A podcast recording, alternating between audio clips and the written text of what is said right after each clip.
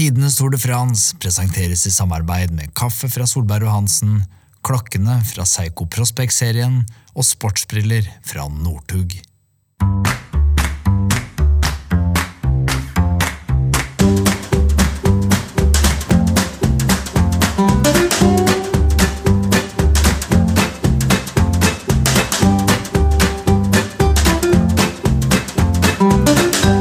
Velkommen til tidenes Tour de France. Um, og, og hva er denne podkasten handler om, tenker du kanskje?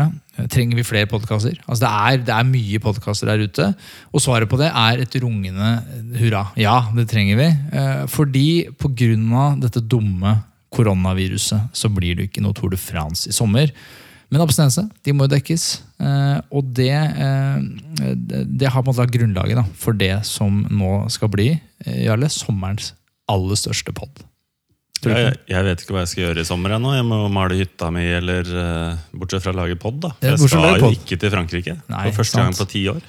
Og, og gjennom syv uker med 14 episoder så skal vi da ut på en reise, eh, Jarle. Og eh, vi skal reise tilbake i tid. Gjenoppleve de største utgavene av Tour de France. Og med oss i hver episode så skal vi da ha med en hedersgjest som da har en tilknytning til den aktuelle utgaven som vi da skal diskutere i den episoden. Om ikke det er oppskriften på suksess, så jeg har ikke peiling. Det, jeg, jeg tror dette kommer til å bli gull og grønne skoger og andre floskler som ikke jeg har, klarer å komme på. Men Kan Men- det være en kjendis, eller kan det være en tidligere rytter? eller Hva slags eh, type er dette? alt. Men det er stort sett folk som er tilknyttet til sykkelsporten. Men, men aller først, bare, hvem, hvem pokker er vi? Jeg tenker folk hvem, hvem er disse folka? Eh, Og jeg, kan jo, jeg lærte av min mor at man skal, det er pent å introdusere seg selv først. Jeg er Hans Olav, eller Hanso, som jeg, som jeg kalles blant uh, av venner. Jeg driver med musikk og standup, men aller helst så, så, så eh, vil jeg være Norges fremste sofaentusiast på sykkel. Det føler jeg måtte leverer greit på. Um, og Jeg er jo full sykkelsporten jeg, siden jeg var liten men, men jeg kan ikke så mye. Så Jeg elsker resultatlister, jeg elsker gamet, taktikkeriet, alt sånn. Men jeg, men jeg skjønte jo fort at øh, når man skal klikke klikkpedal, øh, skoa i klikkpedalene på det prosjektet her, så, så trenger jeg hjelp. Jeg er ikke, klarer ikke det alene. Og da ringte jeg deg, min gode venn Jarle Fredagsvik. Velkommen til podkasten skal du være. Jo, takk for det. Ja, for, for, for I min bok fall, så er du, du er Norges aller fremste ressurs på sykkeljournalistikk. Du, du var med å starte og er redaktør i procycling.no. Og alt som har vært skrevet av kvalitet på, øh, om sykkel, det er stort sett du øh, som har navnetrekket ditt på. er min mening, da. Wow. Det, Ja, da får jeg bare får takke ydmykt for de pene orda der. Og for et press! Ja, det, nå- nå det, det- det betinger. Ja, det gjør det. Men vi, så kort om deg, det, vi sa det vel egentlig der. Ja. Er det noe jeg glemte å nevne? Du er jo glad i fiske. Det er Ja. ikke så relevant. Nei, nå er det jo vulgata-klekking, da, så jeg er ganske gira på brunørreten for tida. Ja, så du Men, angrer på dette, du allerede? Ja. Før vi har starta. Utrolig dårlig timing. Eh, Angra litt. Ok, men, men hvor, finner- hvor kan vi finne oss? Eh, Vi, vi, tenker, altså, vi finnes jo der du aller helst hører podkast. Vi skal være på alle plattformer. Være til stede gjennom hele sommeren. Altså to episoder i uka. Det skal, vi skal levere, vi. Og så vil vi gjerne ha, høre fra folk. da. Podkasten er på Facebook og på Instagram. At Tidenespod og på, på Twitter. Eh, Og så vil vi ha tilbakemeldinger. Eh, Jeg er at Hansorino. Skriv til meg hvis dere er, mener at ting er dårlig. Du er jo at Fredagsvik. Ja, Eh, Skriv, tagg deg masse og- plage deg. Du liker jo det, du. Jeg tenkte jo på det da jeg gifta meg, at jeg kunne jo ikke ta navnet til kona, for da hadde jeg blitt at Langås. Ja. Så jeg tror jeg folk hadde med å finne meg, men jeg er fortsatt at Fredagsvik. da. Det ødelagt hele Ja, Twitter-tilstedeværelsen det hadde vært tungt. Ja. Eh, Men da, er vi i gang. Da er vi i gang. Jeg følte Det var liksom litt den grunninformasjonen som må til. Vi sitter og nyter eh, god kaffe. Vi er jo heldige vi har med oss Solberg og Hansen, som eh, sponser podkasten vår. I dag, Hva er det vi drikker i dag? I dag har vi den. Den er god, vet du. Den er fra espresso fra Brasil. Facenda Bereiro. Hva er dommen, Jarle? Åh, den er veldig god. Altså jeg er jo, Hvis du er Norges største sykkelentusiast, så er jeg kanskje Norges største Solberg Hansen-fan. Jeg syns kaffebønnene er sinnssykt gode. Ja. Det er tre kafeer i Drammen som bruker den bønna, og jeg går alltid dit når jeg skal drikke kaffe. Så jeg ble kjempeglad når, når de seila inn i poden vår. Si Ja, de, sånn. de kom litt overraskende på deg. Du Ja. var sånn, nei, du kødder. Stående applaus. Ja, det, var, bra, da. Veldig bra. Ehm, Så bare kort I denne episoden så har vi også noen lånemikrofoner som vi låner av Deluxe, Deluxe Music oppe på Grünerløkka. Som er mitt go to sted for musikkutstyr. Eh, når mine mm, egne mikrofoner streika, så var liksom, da var de på pletten. Mats, min mann der. Så det er der man bør kjøpe utstyret sitt. La det være en lærepenge for oss alle. Notert. Det er veldig bra. Men ok, vi, som jeg sa innledningsvis her, dette, det vi, dette handler om Tour de France. Det er det vi skal gjøre. Vi skal gå tilbake, reise i tid, mimre, eh, nostalgi, møte kule folk. Dette er tidenes sommer. Um, og i dag så skal vi diskutere eh, Tour de France 2003. Det er står på menyen. Og vi skal snart møte Eva. dette, Jeg er så gira. Det er en av mine aller største helter. Det er selveste ridder Johan Kaggestad. Altså En mann som han kan så mye om Frankrike han, at de franske myndigheter bare sa vi adler han. Ja, vi må bare adle han. Med en gang. Vi kan, kan faen ikke vente på det. Vi må bare få adle han. Eh, og han, eh, 2003 er jo det året hvor han kommenterte Tour de France for TV 2 for første gang. Mm. Eh, han kan jo alt. Hva, du kjenner jo han litt. Jeg har jo aldri møtt han før. Altså, jeg gleder meg altså, så mye. Vi skal, vi skal, jo reise opp og besøke han hjemme hos besøk. Dette er jo, dette er jo reine, det er sånn, ikke firestjerners middag, men det er, det er noe greier. Mm. Nei, altså Johan er jo nå godt inn i 70-åra, faktisk. og Begynner jo å bli en, eh, en, gammel mann. Men han er en veldig hyggelig mann. Høflig mann. Ja. Eh, men også litt sånn framme pekefingeren og kjefte litt. Han kjefter på folk, han, ja, hvis... Jeg er litt redd, helt ærlig, jeg er litt urolig for at han ja. vil kjefte litt. Men han er ikke sånn eh, belærende. Det er Nei. mer at han urettferdighet og sånn, da viser han tenner. Og det syns jeg egentlig er en bra ting. Ja, det er en nydelig ting. Og så er en annen ting, han er en yes man. Ja. Så når jeg ringte han nå i forrige uke og sa hei, vi har lyst til å komme til deg og lage pod, ja. ja, det gjør vi. Ja, det selvfølgelig. Ja, ja. Veldig positiv. Jeg er ledig etterpå. Når, når kan du? Nei, han skal sjekke notisboka si. Altså, han har to ting som er viktige. Den er avtaleboka, og så er det Word-dokumentet med Tour de France Research på 3790 sider. Og så under der kona. Under der. Nummer tre. Det er veldig bra. Vi, vi gleder oss. Jeg, jeg, tenker, Skal vi bare dra, eller pakke sekken? Ja, skal jeg kjøre? Du er fast sjåfør, du. Ja, Tour de France-sjåfør. Yes. Da eh, drar vi til Modum. Til Kaggestad gård. Okay. Nei, men vi, vi, er vel i gang, er vi ikke det? Det er jo kjempehyggelig å få lov å komme hit til Kaggestad gård. Johan. Det setter vi jo enorm eh, pris på. Veldig hyggelig at dere kommer hit òg, og en flott dag. Fantastisk dag. Og vi skal gjøre, ha, gjøre fantastiske ting. Eh, dette er jo, Podkasten vår heter jo Tidenes Tour de France. Eh, og det er jo sikkert som du skjønner, skal, Nå er det jo korona, så det blir jo ikke Tour de France i sommer som vanlig.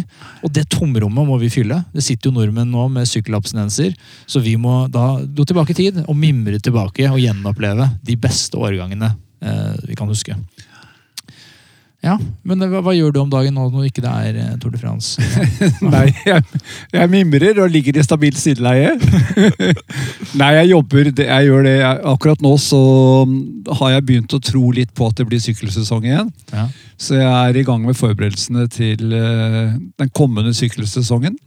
Uh, så jeg holder på å fylle opp arkivet mitt med ruta for Tour de France i 2020. Ja. Faktisk jeg er ferdig med tredje etappe. Ja, og har eh, 18 igjen. Men du pleier vanligvis å gjøre det her i serie?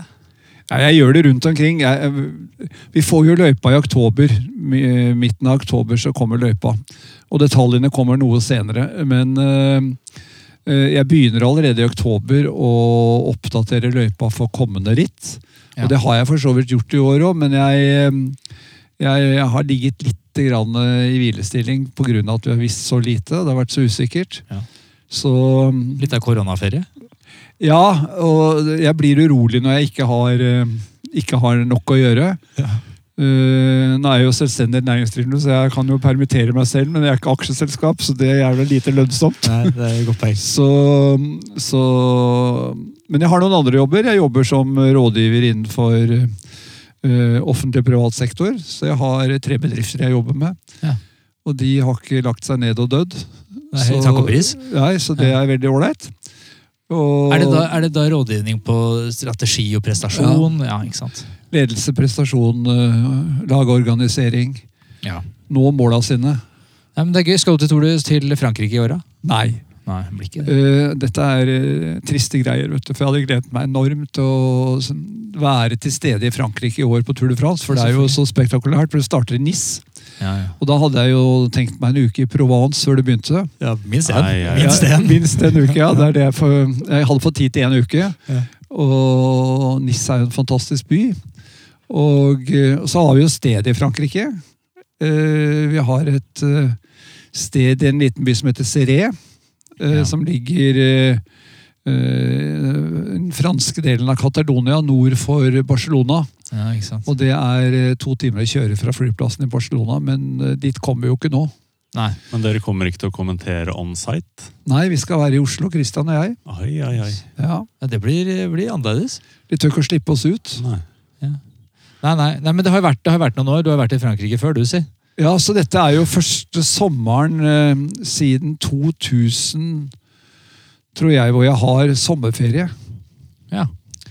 For eh, Tour de France gjorde jeg litt grann før 2003.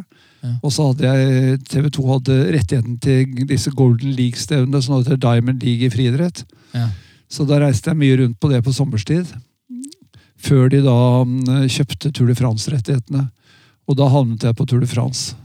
Ja, fordi vi, vi kan jo kanskje gå til For vi skal jo nå til eh, 2003. Det Ja. er den eh, Tour de France vi skal snakke om i dag. Eh, En legendarisk tour. En av dine favoritter, Jarle? er det ikke det?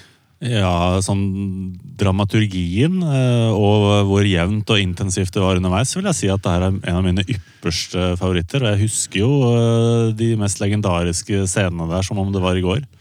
Ryktet har fortalt meg at det var det første eh, Tour de France du kommenterte i sin helhet. Ja, det er helt riktig. Eh, Da kommenterte jeg sammen med Tor Eggen. Da var han hovedkommentator, og jeg var eh, sidekommentator. Okay.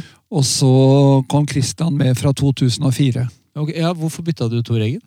Nei, det er ikke mitt, eh, min sak. Han ble Han skiftet bytta- ut. bytta seg selv. Ja, så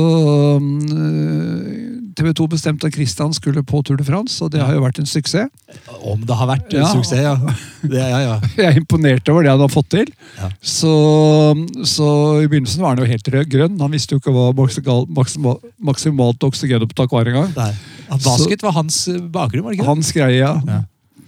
Så Han påstår han var ganske god i basket. Han spilte jo toppserien i basket innimellom. Men han er, jo liten da, til å være Ja. basketballspiller. Ja, og Det var jo toppserien i Norge. Ja, vi- det ikke- det. Ja, bare så det er ikke NBA han var i. Ja.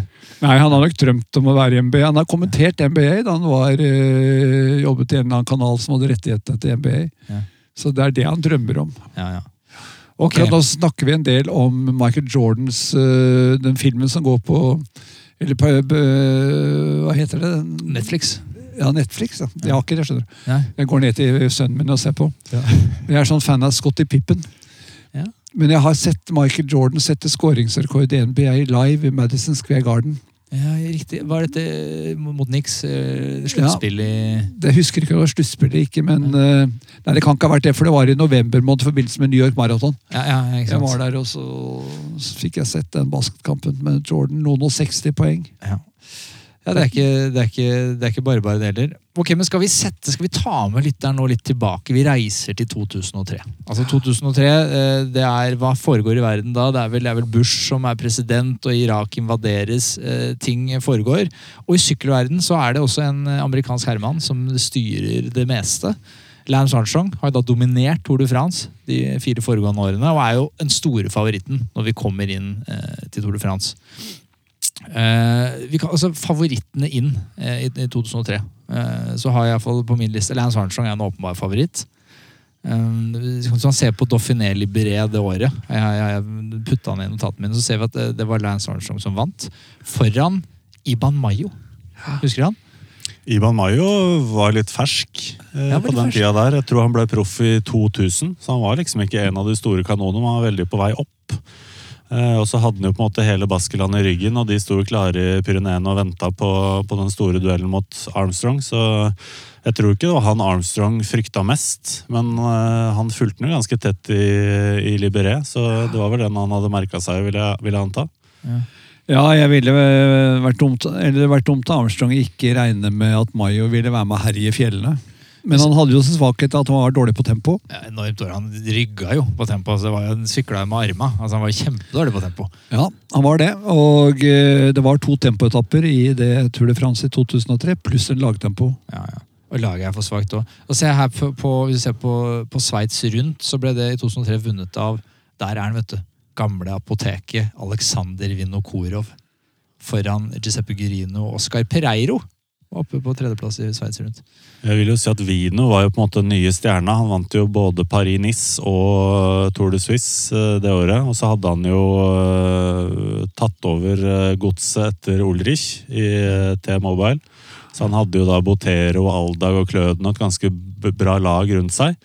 Mens uh, Ulrich, uh, der hadde det vært noen kneskader, og det hadde vært litt amfetamin, og han hadde bytta lag. Og, han bytta lag til Team Coast, som ganske raskt ble nedlagt. Og så ble han hentet inn til Bianchi, som da hadde plutselig et, et proff, uh, profflag igjen. Ja. Og det var det siste laget som fikk wildcard i Tour de France det året, for man innså at Ulrich hadde mulighet til å hevde seg. Ja, han måtte jo ha Mulrich, selvfølgelig. Ja, du måtte det. Men det laget var ikke sterkt på papiret. Det var noen tyskere han tatt med seg, noen sportsdirektører og noen spanjoler. og... Nei, Han hadde med Rudi Pevenage var vel med som sportsdirektør, så det var noe av de gamle gutta hans. Men ja. nei, det var et uh, one-man-show for Ulrich, og selvfølgelig så arrangøren at det var en mulig utfordrer til Dance Armstrong. Ja. Og så er det jo, Jeg vil ha med flere navn. Jeg vil ha med Gilberto Simoni. Ah. Han vant jo giroen i forkant. Og så vil jeg ha med Tyler Hamilton, som var uh, protégé for Armstrong tidligere, som nå skulle være leder i CC. Mm -hmm. Uh, og så Jeg må ha med en navn til. Belocchi må du ha med. Belocchi var den jeg lette etter. Onse-kapteinen. Ja. Ja, ja. Andreplass 2002. Ja. Og han hadde jo uttalt at han skulle vinne Tour de France. Ja, og så mente ikke han han ble bedre på tempo? jo, og det så vi jo ganske raskt tidlig i rittet, at han, iallfall fall laget han kjørte for, de gjorde det veldig bra på lagtempo. Ja. Så han var et, en klar um, outsider til å vinne Tour de France det året. Og så har jeg en siste her som jeg har lyst til å nevne. Liège d'Ore ble vunnet av Tyler Hamilton. Gamle løytnanten til Armstrong, som nå var i CC. Og han hadde vel også litt sånn eh, håp om å, å, hevde seg. Ja, Helt klart, og det var realistisk, og det viste jo Tour de France på mange måter at det var òg, når man først kom i gang. Ja. Så det var et spennende felt. Det var eh, noen ryttere som ikke fikk lov til å være med òg, og det er jo viktig. Pantani fikk ja, ikke lov til å være med. Og eh, på spurtsida så nektet arrangøren å ha noe med Mario Cipollini å gjøre. Og det var jo litt eh, trist hvis man ser resultatet, for han hadde jo nettopp det året på våren vunnet var det sin 48.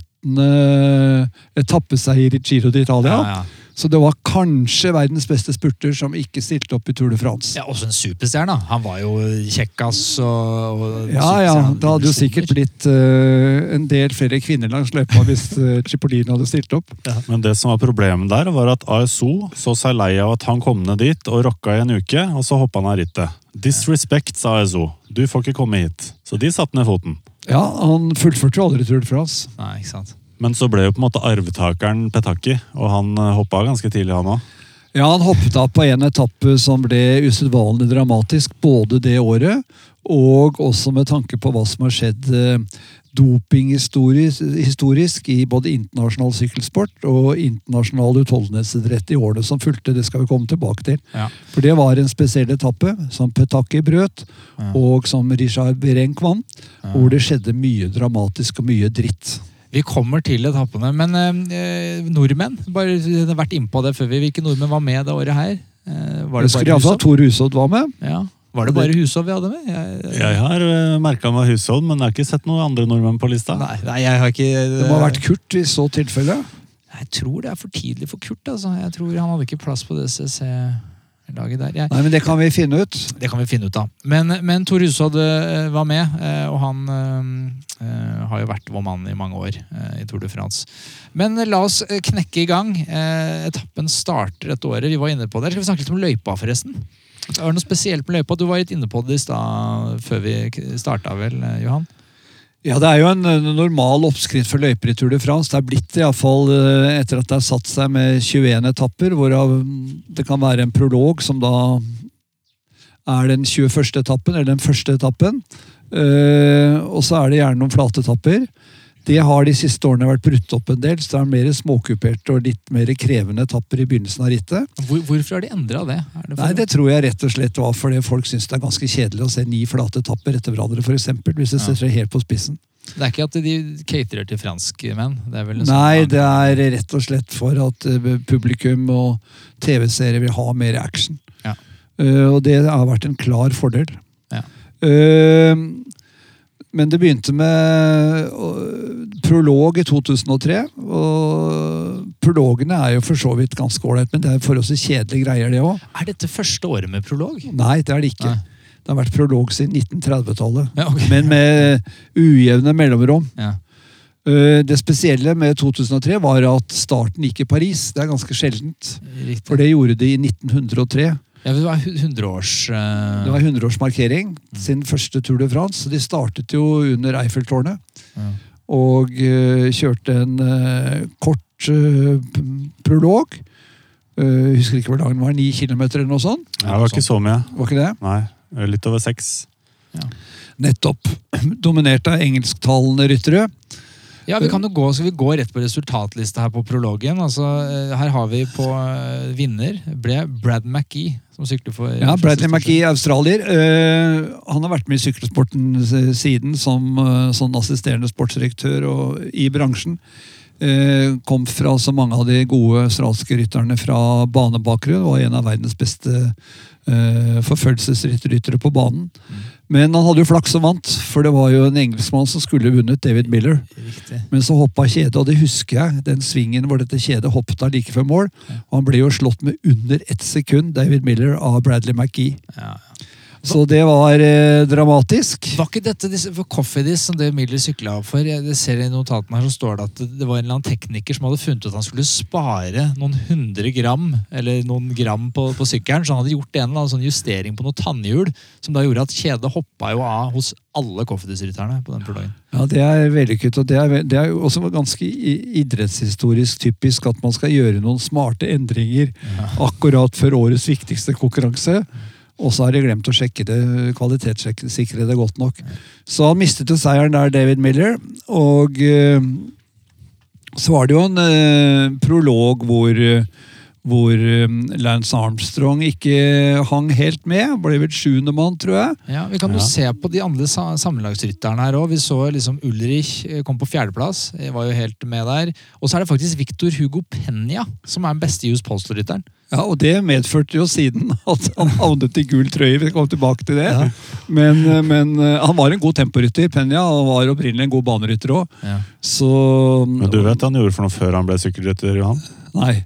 Da var han svømmer. Han var på nasjonale, altså landslaget til Colombia i svømming. Var det? Ja, ja. Jeg har mine fun facts. Ja, det er bra, det er bra research, altså. Det er Strålende.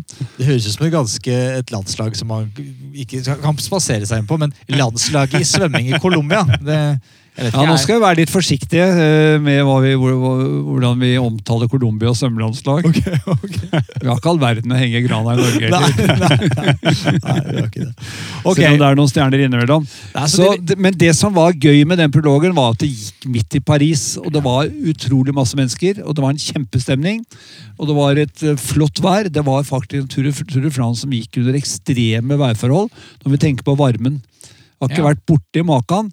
Det begynte jo ikke å regne før den siste tempoetappen i Nant. Og da kom regnet for alvor òg, si. Det, det, gjorde, det. ødela jo for eh, Jan Olrich når, den, når den tid kom. Men uh, Men det var en ganske udramatisk prolog. i sånn sett. Alle samlagsfavorittene hang med, og det var ikke de store tidsforskjellene på en så kort etappe. Så kom etappe nummer én. eh, En flat etappe fra Saint-Denis til Montgeron. Franskuttalen her, eh, Johan, det må du den er passe. Den, Ja. eh, du, får ikke, du får ikke seks poeng på den, liksom. Gjør ikke det. Nei. Nei.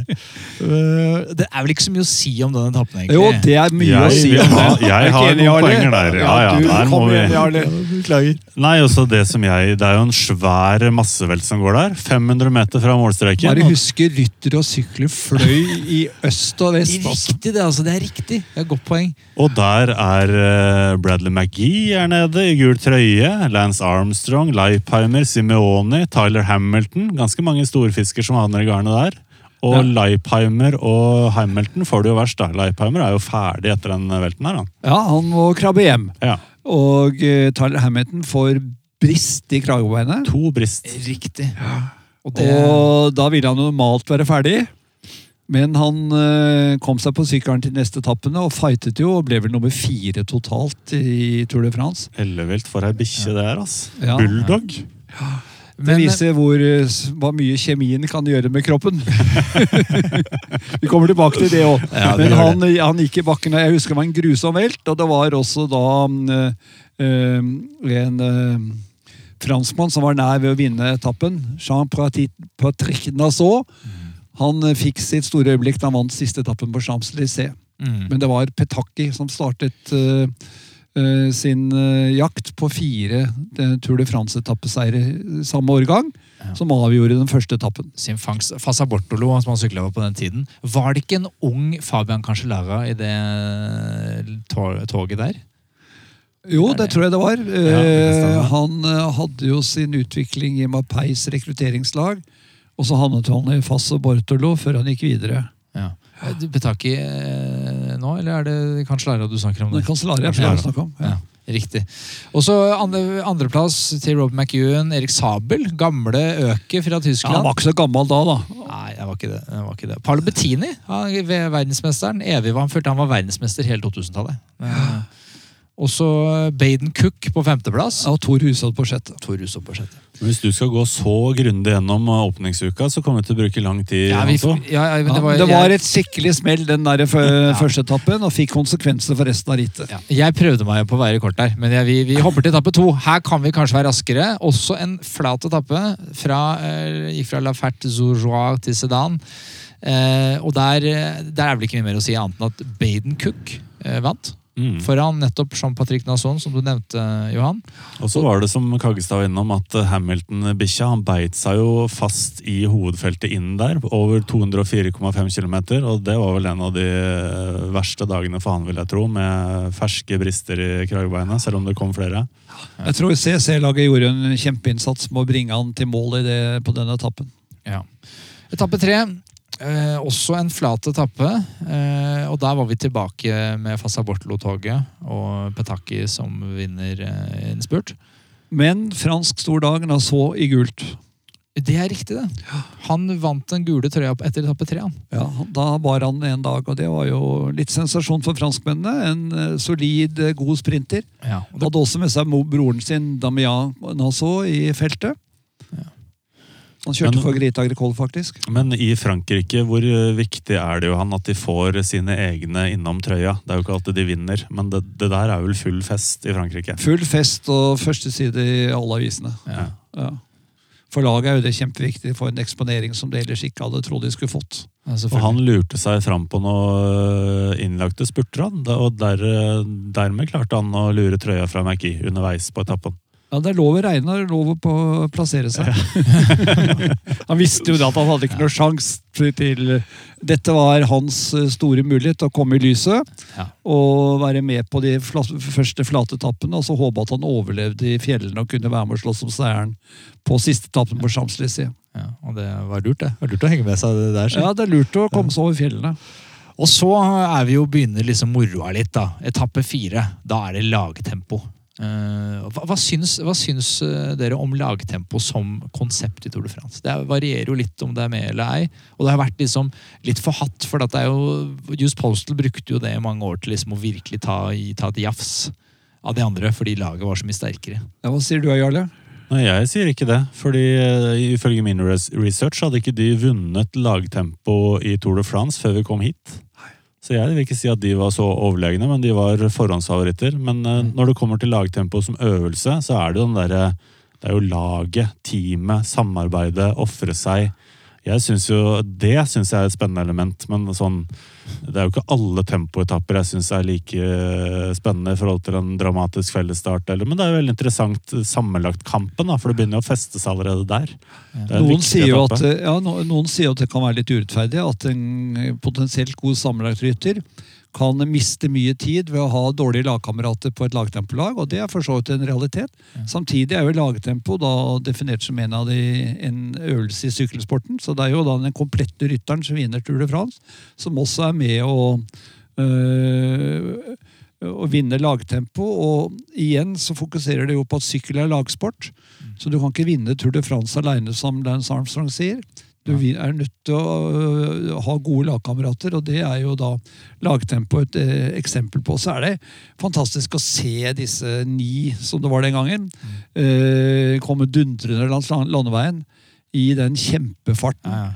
Og det, det, det var jo 69 km denne dagtempoen var. Ja. Jeg syns det har blitt morsommere og mer spennende nå når de har lagt det ned på en 20-30 km. Da blir det ikke så store tidsforskjeller. Og samtidig har du denne sekundkampen og spenningen. Men f.eks. i 2020, hvis det blir noe ritt i år, Ja. så er det ikke lagtempo. Nei. Var det ikke året etter jeg husker ikke om det var 2004-2005, hvor de la inn en sånn regel der de, de begrensa hvor mange sekunder og Selv om du vant med to minutter, så var det kun det var noen plasserings... Eh, Jo, riktig. De laget en sånn eh, fiktiv eh, liste på Ble du nummer to, så var det 30 sekunder Ja. bak, osv. Så, videre. så det gjorde at de dårligste lagene, som kanskje på en så lang etappe som 69 km, som det var her, ofte, ofte de så franske lagene. sju-åtte minutter, Ja. eh, da taper en tre-fire minutter isteden. Ja. Det var jo tullete. Jeg er enig med deg sånn eh, Du må sette opp et mannskap som kan vinne Tour de France sammenlagt. Og der er også kan lagtempo da være et element. Sånn som hvis du setter ni baskiske klatremuser, da, sånn som Euskatelli gjør hvert år. De er jo forrykende i fjellene, men de vinner jo aldri lagtempoen. Og det går jo veldig skeis på lagtempoen. Men det er jo også litt sånn underholdningsmoment underveis. Ja, det er jo det, og det var jo faktisk eh, eh, spennende på den fjerde etappen i 2003. For vi regnet jo spanjolene som dårlig på lagtempo. Ja. Men Once, dette laget til Blindeforbundet, det spanske laget, de ble nummer to i den, på den lag, lag, lagtempoen, bare 30 sekunder bak US Postal. Og så var det laget til Jan Ulrich som ble nummer tre. Ganske utrolig med det som du sa innledningsvis, litt begrensede mannskapet, ble nummer tre også. 43 sekunder bak laget til Lance Armstrong. Og Belocchi, eh, som da kjørte på Onse, han kom meget godt ut av denne, denne lagtempoen i aller høyeste grad. Og så var det jo da, uh, siden eh, eh, US Postal vant lagtempoen, og rytterne deres hadde vært med i kommet inn sammen med feltet og kjørt ganske bra på den innledende pro- prologen, så var det naturlig at en rytter fra US Post ledet sammenlagt, og det var altså Victor Hugo Peña fra Colombia. Første gang en colombianer bar gul trøye i Tour de France, det var i 2003 til fjerde etappen. Ja. Og det er jo litt historisk, for Colombia er jo et land som i aller høyeste grad er sykkelgale, og har satt farve på Tour de France siden. Så Penya ble altså historisk. Men du har en colombiansk rytter i gult som heter Victor Hugo i Frankrike. Hva er oddsen? Ja, det, det, den, er, den er nesten null. Ja. Men han var ikke den første colombianeren som hevdet seg i Tour de France. Det var det ikke, altså. For jeg husker jo de fleste Lucho Herrera, blant annet, som vant i Alpe d'Huez osv. Noen år tidligere. Det var jo også et par karer veldig dårlig for, da, som det skal på lagtempo. Simeoni og Saeco-mannskapet hadde jo fryktelig lagtempo. Ble nummer 17 av 22 startende lag. Ja, gikk Og, var og var 3.08 bak Armstrong sammenlagt. Og Iban Mayo og Euskatel-gjengen tapte jo nesten 3,5 minutt. De sykler alltid lagtempo med støttehjul. Det, det Euskatel er altså så, det er så dårlig på lagtempo. Altså, så, de kan, de, de, har de temposykler i Baskeland? Altså, jeg, jeg skjønner ikke at det skal være mulig. Nei, de, de har jo ikke noe kultur på det. De trener jo ikke på tempo.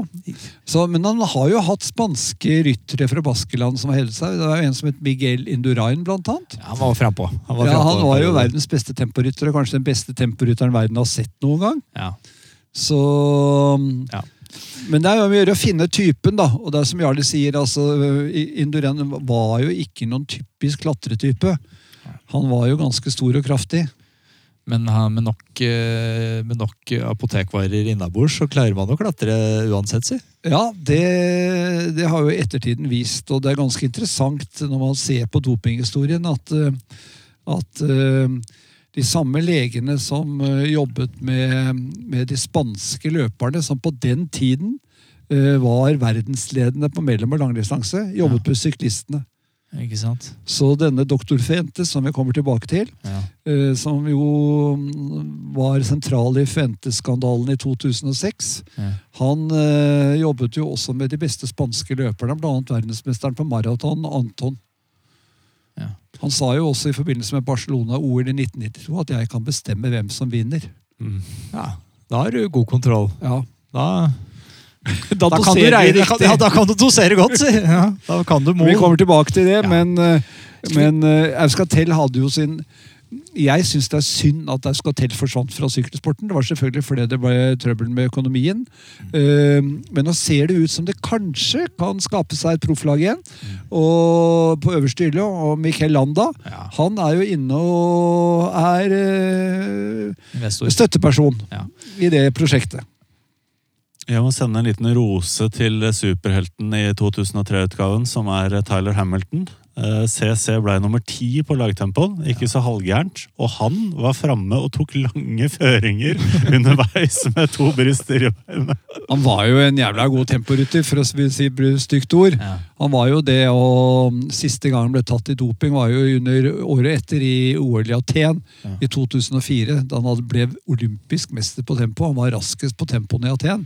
Ah, Vi skal vi snart tilbake til 2003 her, men den, der mener jeg at Norge har blitt fratatt kanskje et eh, olympisk gull. Er det ikke der Tor Hushovd var helt oppe på en uh, Syvende eller åttendeplass, Ja. syvendeplass tror jeg, i 2000 i Sydney. 2000 var det, Ja, Og alle de foran ham, unntatt Ekemoff er tatt i doping siden. Det er mye røyk rundt Ekemov. Ekem- Moff, du er en ålreit fyr sikkert, men du var ikke ren. Nei, det er, det er sjelden det er røyk uten ild, og det er mye røyk rundt. Ja, Altså. han var jo en viktig mann i dette laget til Lance Armstrong dette året òg. Ja. Men vi hopper videre vi, til etappe fem. Eh, Der har jeg notert rullende terreng. Eh, og da skal jeg gikk fra Troyes til Nevers. Ja, jeg burde ikke si disse byene. Eh, Jo, jo, det er ålreit, det. Ja, Uh, Petakis tredje seier. ja, Petakis, det er vel ikke så mye mer å si. Men Eh, jeg vil eh, forsvare uh, Cipollini litt, for eh, Jarle sa jo at eh, de ville ikke ha han med i Tour de France fordi han alltid brøt. Han kom jo aldri til mål i Paris. Nei. Men mannen som ble nummer to, Jan Kirsiper på denne etappen, han tror jeg startet elleve ganger og kom aldri til mål, han heller. altså. Og han har vunnet fire etapper tror jeg, i Tour de France og båret gull trøye, han òg. Men Ja. aldri har han sett uh, triumfbuen. Nei. Jeg husker Jan Kirsiper best som hjelperytter til Tor Hushov. jeg. Nei, han var, eh, han var en spurter på laget. Prioritert spurter på Krita Kroll-laget. Og har gjort en god jobb i sykkelsporten siden. ja. men, men han, hvilket år var det han fungerte litt som hjelperytter for Tor Hushovd? Var, var ikke det Nei, det, det har jo vært selvfølgelig, som du sier, de årene Tor har kjørt, og Ja. kjørt for grønn trøye. Men eh, det var jo ikke alle årene han kjørte for Krita Kroll. Han kjørte for Arce Dessert også. Det var vel i 2003, blant annet. Var Ja. han. Men han ble nummer to på den etappen, da. Jeg har et par punkter her. eh, Etter, etter etappen så var det stjernemøte i målområdet. Det, da fikk eh, gul trøye.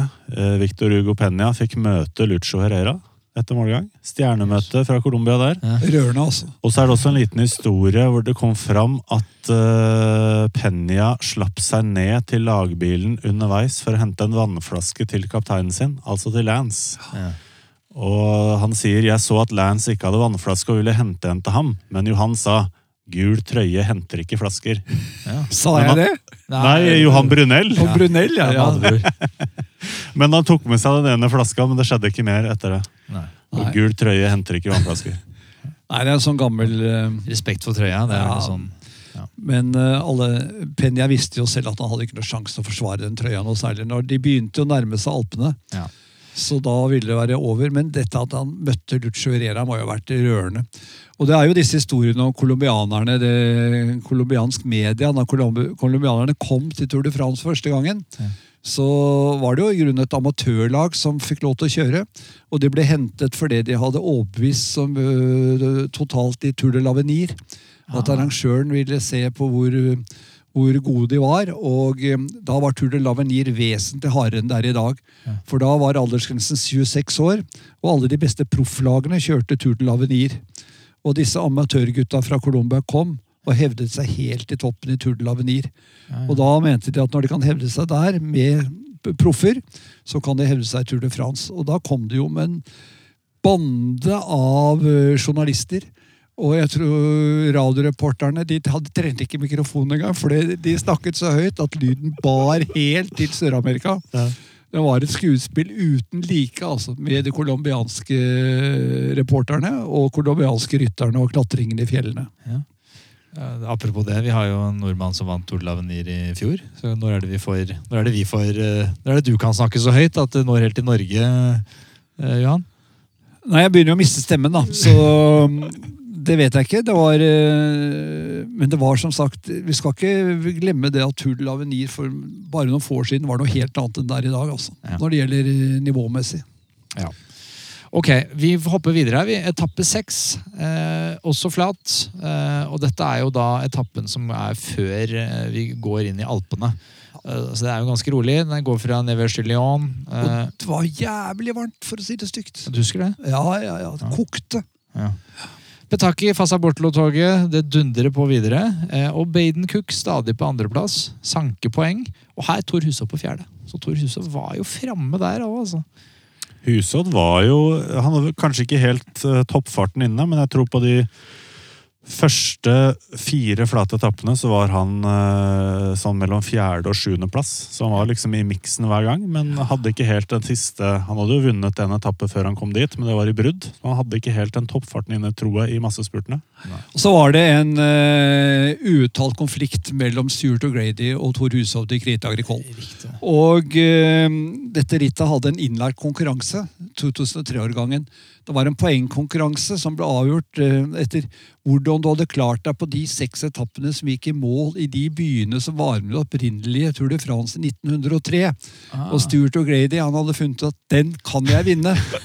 og i, på denne etappen den, Lyon var jo en av disse målbyene. Ja. Og Stuart O'Grady tok sjansen og gikk i brudd øh, sammen med Antony Anthony Chesla, en ganske ukjent rytter som faktisk har en bronsemedalje fra VM på sykkel fra Madrid, var det vel, da Tom Bonen ble verdensmester. Ja. De hadde 8 minutter 50 km fra mål og ble kjørt inn 500 meter fra mål i Lyon, det husker jeg. Ja. Så det var ganske dramatisk. Og, øh, og øh, det skaffet jo da O'Grady et godt utgangspunkt for å vinne denne konkurransen, som han også vant til slutt. Ja. Jeg mener også at der gikk en velt. Jeg tror McEwan velta. Ja, mot slutten der, ja. Ja. Det er helt riktig. Ja. Men det var nær ved at O'Grady hadde lykkes med det der stuntet allerede på den etappen inn til uh, denne mathovedstaden Lyon. Det er vel bare Ørjan Johansen som har vunnet VM i Lyon i Bocuse d'Or. Ok, men vi, Hvis vi ser nå på sammenlagten før vi går inn i Alpene, så er jo det US Postal dominert, selvfølgelig pga. lagtempoen. Og det er Victor Hugo Peña som leder, men det er jo veldig, veldig jevnt, da. Um, og så første eh, ordentlige etappe, som for øvrig også var årets lengste etappe. Eh, 230,5 km. Den går fra Og utrolig varmt. Fortsatt varmt, fordi vi er fortsatt i Lyon, og målgang i Morsin. Ja, og jeg satt i Morsin, og det er jo oppe i fjellene, og det var varmt som bare det. Altså, det var ikke vindpust, og solen bakte ned på disse stakkars rytterne. Hvor langt var det de kjørte? 230,5 km. Det er langt i den varmen, altså. Og eh, da har du en mann som Richard Berenk, da, som Nei, ja. var ute etter å vinne klatretrøya, og kanskje også vinne Tour de France. Ja. Som eh, gikk i et eh, tidlig brudd og hadde med seg annet en Jesus. Ja, okay. Jesus Manzano fra Kelme i Spania. Ja. Og jeg husker eh, det øyeblikket da Jesus Manzano bare veltet om i veikanten og ble liggende. Pga. varmen? Ja, ja man påstod det var varmen. Uh, han lå der og ble plukket opp og kjørt til sykehus. Ja. Petaki brøt etappen. Ja. Uh, var helt uutholdelig. Men han- bare holdt ut og holdt ut, og kom jo inn og vant med nesten to og et halvt minutt på Rolf Aldag, som hadde sittet etter bruddet han også. Og favorittgruppen med Lerns og gjengen de kom inn i over fire minutter bak. Men eh, det som var spesielt med etappen, det var at vi tenkte å stakkars mann Manzano. Så varmt, og der gikk han i bakken og ble liggende. Det er uansvarlig å sykle sykkelritt i så varmt vær. Men det var en diskusjon? At rett og slett man skulle Nei, Man visste ikke før øh, mannen selv sto frem. Ja. Øh, både noen måneder, og den prosessen holdt på noen år.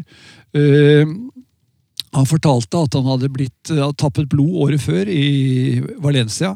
Ja. Øh, det blodet var tilført han øh, i dagene før Tour de France. Ja, som han gjorde. Og så hadde han fått en del andre medikamenter som han ikke visste hva var.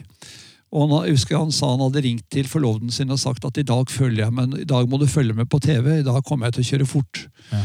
Og det varte jo ganske lenge. Han satt med Richard Vilenk. Men så fortalte han da media eh, hadde faktisk pressekonferanse og fortalte om alt det han hadde inntatt før rittet, hvor på legenes anmodning Ja. og legentekt på Kelmerlaget som han kjørte for, det var jo doktor Fre- Frentes, Ja, ja. denne eh, gynekologen som senere ble verdensberømt og årsaken til operasjon Puerto. Og han sa det var jo systematisk doping. Og han eh, kunne også peke ut andre ryttere som var i, hadde besøkt kontoret til doktor Fuentes. Ja. Eh, sykkelmenneskene. Kelmo bare benektet det hele. Ja. Men eh, doping var, eh, og er, under eh, i, i disse latineuropeiske landene, altså Spania, Frankrike, Italia, under eh, narkolovgivningen. Så politiet eh, plukket opp dette og startet da etterforskning av doktor Fuentes med eh, bl.a. telefonavlytting. Og fulgte med på hvem som gikk inn og ut av kontorene hans. Ja. Og de fant jo da ganske mange av verdens beste idrettsutøvere som gikk inn og ut av kontorene til Fuentes. nå påstå at det var utøvere fra ganske mange andre idretter òg, ikke minst han nevnte disse friidrettsfolkene. Ja. Uh, uh, som øh, frekventerte kontorene til Fuentes. Så det ble jo trabalder uten like. Og han ble uglesett. Man benektet ting og mente at man var bare ute etter å skaffe seg PR. Og så, PR, og så viser det seg da, når politietterforskningen da mm, har gått en stund, at alt det han sier, er tilfellet. Og det var jo årsaken til opprullingen og det som ble da den mørke dagen før 2006 Tour de France. Hvor altså Ulrich Basso og Mancebo og Vinocuro og vet hva det het, forsvant ut av rittet. Eller Vinokoro forsvant ut for det laget hans hadde for, for få ryttere igjen. Men, men mange av de store gutta forsvant rett og slett ut. Så dette var en viktig, eh, viktig etappe. Kanskje, en, av, kanskje den viktigste Tour de France-etappen i moderne historie når det gjelder kampen mot doping. Ja, ja, ja. Og han Richard Virenk var, var jo utrolig populær. Altså, jeg husker jeg så dette bare på TV, men hvordan franskmennene omfavna han. Han hadde vel vunnet klatretrøya en del år i forkant. Og de, de, Man trodde vel at det kanskje kunne gå, når han fikk dette, klarte å ta så mange minutter på de andre favorittene, at han kanskje kunne henge med til slutt òg.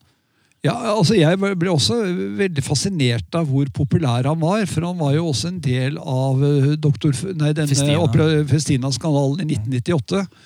Og, og, men altså, uansett hvor Verenk viste seg, så var det jubel. Ja.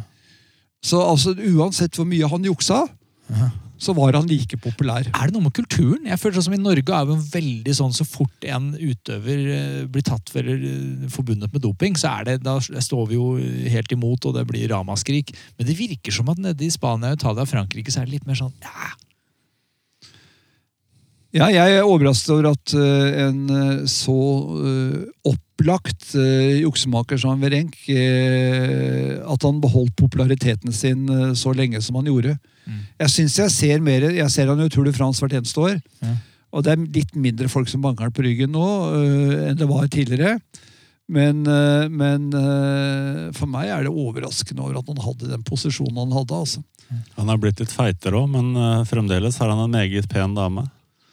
Ja, jeg har ikke sett, så- jeg har ikke sett ham hans. Er hun pen? Hun er helt nydelig. ja, ja. Ja, Ja, han er blitt ganske feit. Ja. Han har fått en skikkelig bom, altså. Og det ser litt latterlig ut med den tynne overkroppen og så den bommen som stikker ut over bjellene hans. Han hadde ikke klatra like bra i dag, si. Nei. Jeg kan jo legge til at han vant jo i Morsin også i 2000. Hadde en annen spektakulær seier på, på samme plass. Det er du god.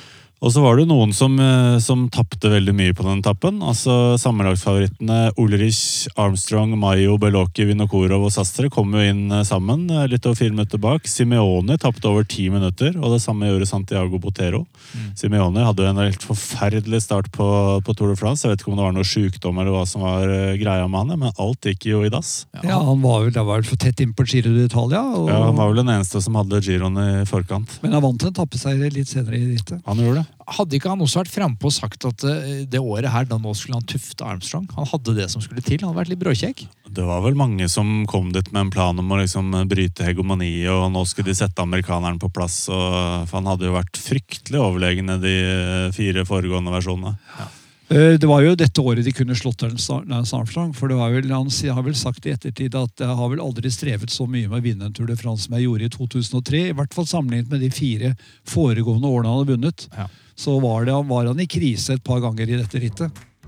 Alle som følger sykkelsporten, vet jo hvor jålete syklister er. Utrolig jålete. Eh, og og det, er, det er viktig å se bra ut, da, men på en sporty måte. Eh, og det vil vi hjelpe deg med. Men det er ikke så ofte de har klokke på seg når de sykler. Ja, kanskje fra og med nå. Kanskje det er en ny trend vi kan være med å etablere. Jeg vet ikke. Jeg vet ikke hvor aerodynamisk dette er. da. Det, det vet jeg ikke. Men, men med samme Psycho så har vi eh, en konkurranse gående. Eh, og For å være med så trenger du bare gjøre én eneste enkel ting. Det er å gå inn i podcast-appen din, gi oss en vurdering, fortell oss hva du syns, og that's it. Men husk å legge igjen e-postadressen, ja, så vi kan finne deg hvis du er den heldige vinneren. For det man kan vinne, da, det er en meget solid premie. Det er en Psycho Prospects Alpinist limited edition til en verdi av nesten 9000 kroner. Den er, den er veldig vakker. Ja, så Den er rå. Så jeg er kry som en hane når jeg går med den på armen. Ja, Du er, den, er, den er litt, Når jeg skal beskrive klokka her, så er det som jeg beskriver deg. Den er sporty, men pen. Ja, Ikke så gærent, det. Takk for det. Du vet. Nei, igjen da, Fra med trekningen, gi oss en vurdering i podcast-appen på mobilen din, og husk å legge ved postadresse. That's Og vi trekker ut en helt vilkårlig vinner. Yes. Men i alle fall sammenlagten etter etappe syv, som da uh, var, en, uh, var en viktig etappe av sånn doping, dopingrelatert. Det var da Rishavi Rag. Han gikk jo inn i den gule trøya. Superpopulært i Frankrike, selvfølgelig. Og så er det Lance Armstrong, som da ligger på andreplass. Og så er det, er det jo ganske jevnt mellom sammenlagsfavorittene for øvrig fortsatt. Og så er det etappe, etappe åtte. Ja, Vi måtte få noe forsprang, for han er jo, var jo klinisk dårlig på tempo. Er utrolig dårlig. Ja, Nærmest baskisk. ja.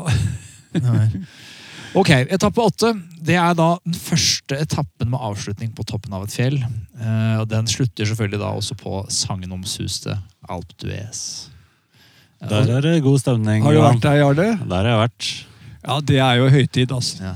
Har du vært der, du? Jeg har ikke fått vært der Nei, ennå. da, det må du også. Ja. Eh, jeg husker da jeg kom til Alpe d'Huez. eh, det syns jeg var stort. Bare å begynne oppkjøringen om natten før opp til Alpe d'Huez, det var jo helt ellevilt. Ja, for det er party der. Ja, Det er helt utrolig. altså. Er- Du kommer jo ikke opp eh, til Alpe d'Huez hvis du ikke kommer dit i hvert fall 24 timer før rytterne kommer. Ja. Da er det sperret, og folk ligger i tusenvis oppover fjellet i telt, og gud vet hva det ligger i. Ja. Og Det er et fantastisk fjellområde òg. Når du først kommer opp der, hvis du har med deg joggesko, kan du gå fantastiske turer i fjellet og vente på rytterne. Eh, Det er jo faktisk et sted hvor de har stort sett eh, de siste årene arrangert franske mesterskap i stort sett alle skiøvelsene på slutten av sesongen. Ja. Eh, Men det er ganske nytt Tour de France-sted. Kom først på kartet i 1952. Mm. Da Fausto Coppi vant en, eh, en ganske legendarisk etappe opp dit. Og eh, det er jo fordi turistkontoret der mente at det ville være lurt med tanke på å, bringe folk dit og skape interesse og ha en Tour de France-etappe. Ja. Men det ble kalt det nederlandske fjellet, og det er jo litt selvmotsigende, for Nederland er jo flass som pannekake, unntatt borti Limburg-området. Jeg tror jeg vet hvorfor, da. Ja det, ja, det er en lang historie, det. Men eh, for det første har jo nederlenderne vunnet mange ganger opp til Alpe d'Huez. Ja. Eh, og så var det Du kan den historien om han eh, presten? Ta den, du. Ja, ta den, du. Nei, ta den, du. Nei, det kom en nederlandsk prest dit, er glad i naturen, og ble prest i menigheten der. Og så ble han jo veldig begeistret av eh, da en av disse nederlenderne vant en etappe. Var sannsynligvis Jobb Sotemelk. Ja. Og så ringte han i kirkeklokkene. Og så ble det stor oppstandelse, og så sto det selvfølgelig mye i media om det, at det var nederlandsk prest på Alpe d'Huez. Og da begynte nederlenderne å trekke til Alpe d'Huez okay. for å se på dette skuespillet som var der nede. Ja. Og nå har de jo da øh, fått denne svingen sin, hvor de samles. Og eh, det er jo å komme opp om natten til den svingen, det er jo helt totalt. Det er som å være på uh, Woodstock-festivalen Ja. tre ganger etter hverandre, vil jeg si. Ja.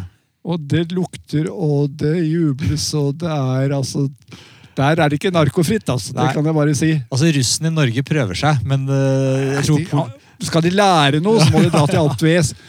Norsk rust. de er ikke lillefingeren av nederlandske sykkelfans, altså. Men der gjør vi det litt forskjellig, Johan. For når jeg er i Tour de France, så skal jeg på starten først og snakke med rytteren, og så skal jeg opp til mål. Det er Men, håpløst. men du er sånn, du er målby til målby, du. Ja, Så jeg kommer jo aldri opp til Alpe d'Huez før et par timer før rytteren, og da er selvfølgelig festen i full gang. Men Hvordan jeg, kommer du deg opp, da?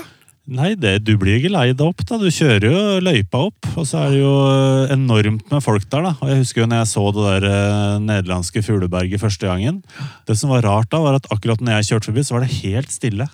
Så jeg kikka ut av vinduet og så bare tusenvis av eh, måkehuer som bare sto der og sa ingenting. Men jeg var egentlig livredd. Jeg syntes det var vel så truende. For når begynner elevene, liksom, og hva skjer? Så jeg bare sveiva ruta ned igjen og prøvde å komme meg vekk så fort som mulig. Men eh, det er jo legendarisk, eh, og det er jo den den største folkeansamlinga er jo der hvert år, og de danser jo med stoler og parykker og jeg vet ikke hva. Det er ja, det, det er vennligsinnet. Det er ikke noe, Det er ikke noe pøbelstreker. Nei. Det er klart det er mange er rusa, og, men de er godt humør. Ja, Ikke noe urin på en brite som kommer syklende forbi i ny og ne engang? Nei, ikke, men det har vært mye sånn folk som har spyttet på Froome og sånn oppover der. Og Ja. Lance Armstrong også, faktisk. Mm. Men, eh, men ikke nødvendigvis i den nederlandske svingen. Nei. Eh, og det er en halv million mennesker oppi der. Det er eh, spinnvilt. Å komme ned det er jo en øvelse som tar timevis. Ja. Dere kjører ned? Altså, Ja, vi kjører ned. eh, Media har en sånn bakvei de kjører, men når du først kommer ned i dalen, så er du stakk, altså. ja. Eh, Så den verste dagen vi har hatt i Tour de France, det var jo 22. juli 2011, da det smalt i regjeringskvartalet oppe på Utøya. Og eh, da var det etappe på Alpe d'Huez. Ja. Eh, vi skjønte at noe var i ferd med å skje, og eh, fordi vi fikk signaler fra Bergen om at eh, nå skulle vi over på en annen kanal. Mm. Uh, og så har vi jo nyhetskanalen gående i kamphanen vår, så journalistene fra de andre nasjonene begynte å samle seg rundt vår TV. ja. Og mm, vi skjønte at noe skjedde.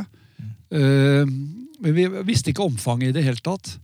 Eh, Var det vanskelig å sitte og skulle eh, kommentere noe så på en måte trivielt oppi det hele, uten å helt ha oversikt over hvor Vi hadde ikke peiling på omfanget. Nei?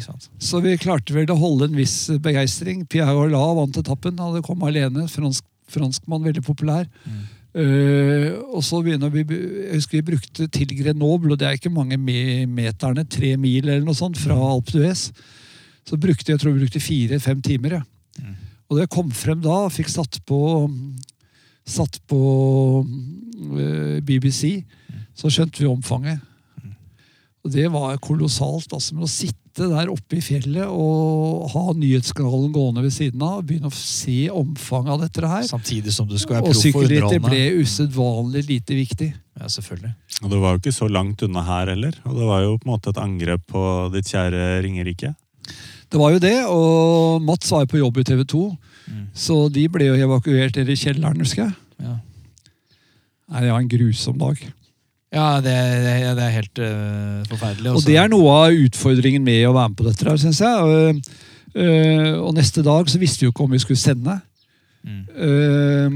Og så ble det besluttet fra Bergen at vi skulle Da var det tempo i Grenoble. Avgjørende tempo. Og så ble det bestemt at vi skulle sende på en av de andre kanalene. Og vi skulle ikke ha noe begeistring, vi skulle bare snakke tider og navn. Mm. Og det var ikke noe problem, det. Begge hadde solbriller på, Christian og jeg. Mm. Og når han, når han grein, så snakka jeg omvendt. Mm. Helt jævlig. Ja, ja, ja, jeg, jeg syns dere gjorde en utrolig Jeg husker jeg så det jo som TV-seer, da, men jeg husker jeg, jeg synes det var en ja, Det var en veldig fin måte å løse det på. Ja, jeg det begynner å grine når jeg tenker på det. Og, og så sto vi der i, um, i den TV 2-gjengen vår, vi er vel en 20, par og 20 stykker der nede. Mm. Og så visste vi ennå ikke om vi skulle sende, det var en halv time før det begynte. Og så sier Kristian Oma at fy faen, gutter. Vi kan ikke la han der eh, despoten ta rotta på oss. Mm. Nå gjør vi så godt vi kan. Nei, det er, det, det er måten å Jeg syns dere løste det på en Det ble en veldig, en, på en veldig fin måte. da uten at det, Og det var jo naturlig at man ikke Det er begrensa hvor mye entusiasme man klarer å, å ha på en, på en dag som det. Ja. Men tilbake til Alp Duez, så er det et utrolig sted. Det kan eh, Jarle og jeg bekrefte. Ja. Dere er gjerne på ferie til Alp Duez. Det gjør jeg. De trenger ikke å bringe opp syklisten engang. Altså. Ja, vi, er, vi hopper inn i etappe åtte, og det var jo et annet fjell de også var over, som er legendarisk. Galibier. Ja, det var det høyeste fjellet det året i rittet. 2642 meter. Var også et fantastisk fjell. Eh, det er, jeg har vært med på målgang på Galibiet også. Eh, stor stemning der òg. Ja. Og det var jo selvfølgelig en knallhard etappe. Uh, Belocchi angrep eh, på den etappen og ble hentet av Lance Hamilton og Mayo Subelia. Men Mayo gjorde en fantomjobb og vant, kom jo aleine opp til Alp Dres og vant med nesten to minutter på Vinocoro V45. Og de pås, man påstår jo det, at han kunne vunnet med mye mer. Han tok det med ro på slutten for å feire seieren. Han gjorde det, ja. Ja. Og med Vinokurov også, her begynte han å vise litt, eh, litt muskler for første gang det året der. Eh, det at han eh, klarte å stikke av fra de andre sammenlagsfavorittene. Jeg antar jo at Lance og co. ikke lot han gå helt frivillig. Nei, men jeg tror Lance strevde. Jeg tror han strevde noe infernalsk for å redusere tapet. Og han visste vel heldigvis at han var litt bedre enn Mayo på tempo, som kom siden. Ja, Det vet Men han jeg var- er jo bedre enn Mayo. Ja, på tempo. men han var i gult og hadde 40 sekunder på Belocchi Mm. etter etappen. Han sa etterpå at uh, Bellocchi måtte han svare på, for han uh, frykta han mer i sammendraget. Uh, men samtidig så er det jo svakhet å spore over at han uh, lar Mayo og Vinokoro gå. For vanligvis så var han sheriffen. Han satte jo alle på plass, og du angriper ikke meg, da tar jeg den og kjører deg av. Og, så, Nei, da skal du enig. svi altså hvis du angriper kongen Ja. av Texas. Det var liksom Det nærmeste du kommer Donald Trump, er jo Lance Armstrong. Så jeg, jeg vil si at uh, her er det ganske tydelige svakhetstegn rundt Armstrong. Han uh, fortalte også i etterkant at det tempo som eh, Beltran eh, satte ved foten av uh, Alp d'Huez, han kalte det for supersonisk. Eh, det var altfor tøft. Han fikk Cheche Rubiera over i rød sone, så han var ferdig. Ja. Og Beltran eh, fikk kjeft i etterkant. Eh, han, Lance unnskyldte med at han var ny i laget. Eh, Men det her kommer ikke til å gjenta seg. Og, det, er også, det viser jo også at Lance ikke er tip top shape. For han pleier ikke å, å kjefte på for høyt tempo inn i bakkene vanligvis. Nei, Det er det som gjør den utgaven så spennende. Vi eh, hopper videre til etappe ni, eh, og her er det jo mye action. Det er jo nok en eh, fjelletappe. Vi skal over blant annet en kjent uh, Isoard, har jeg fått føler jeg har hørt eh, deg si mange ganger på TV, Johan. Ja, ja, det er et, eh, et av de viktige Tour de France-fjellene, det. Ja, og så skal man, gikk man her i mål i Gap, som også er en kjent målby, er det ikke det? Jo, Gap er jo blitt eh, mye brukt de siste årene, og det skal jo også være Tour de France-by 2020. Ja, Det starter med etappe i Gap, og det var målby i fjor. ikke sant? Uh, og vi har jo norske uh, Tor Hushovd har vunnet til Gap, foran en annen rytter som heter Edvald Baasen Hagen. For et år. For et Ja. år. Det var 2011. Det blir nok forhåpentlig seinere i podkasten, så er det fare for at 2011 skal snakkes om. Ja. Men det var action her. Det siste stigningen lot det vente på seg litt, men siste stigning opp La Rochette, så blir det jo action for, for alle penga. Der eh, Vinokorov angriper. Eh, og favorittene må jo da reagere. Eh, og over toppen av La Rochette så kommer da Beloki og Armstrong og resten av favorittene 15 sekunder bak. Og så setter de utfor nedfarten på andre sida. Og så blir det jo action for alle penga. For da låser hjulet til Beloki seg. Så faller han. Vi må ta med at det var altså kokende varmt. Asfalten boblet. Mm. Det, det var jo vått. Ja, og, uh, asfalten svettet. Og det var jo det som tok Beloki. Ja. Uh, og de satset jo eh, helse og alt som var for å komme fort ned denne utforkjøringen og angripe Armstrong. Og det gjorde jo da at uh, Belokki veltet og brakk vel hofta og gud vet hva han brakk. Det var, jeg sjekka det var faktisk albuen. Jeg trodde også det var hofta, men albuen har jeg lest at Ja, eh, begge deler. Okay. Ja, ja. Ikke tvil om at Dagens hofta gikk. dobbel, dagens og dobbel der. hylte. Vi, vi hørte jo disse hylene langt inn i kommentatorboksen vår. Ja.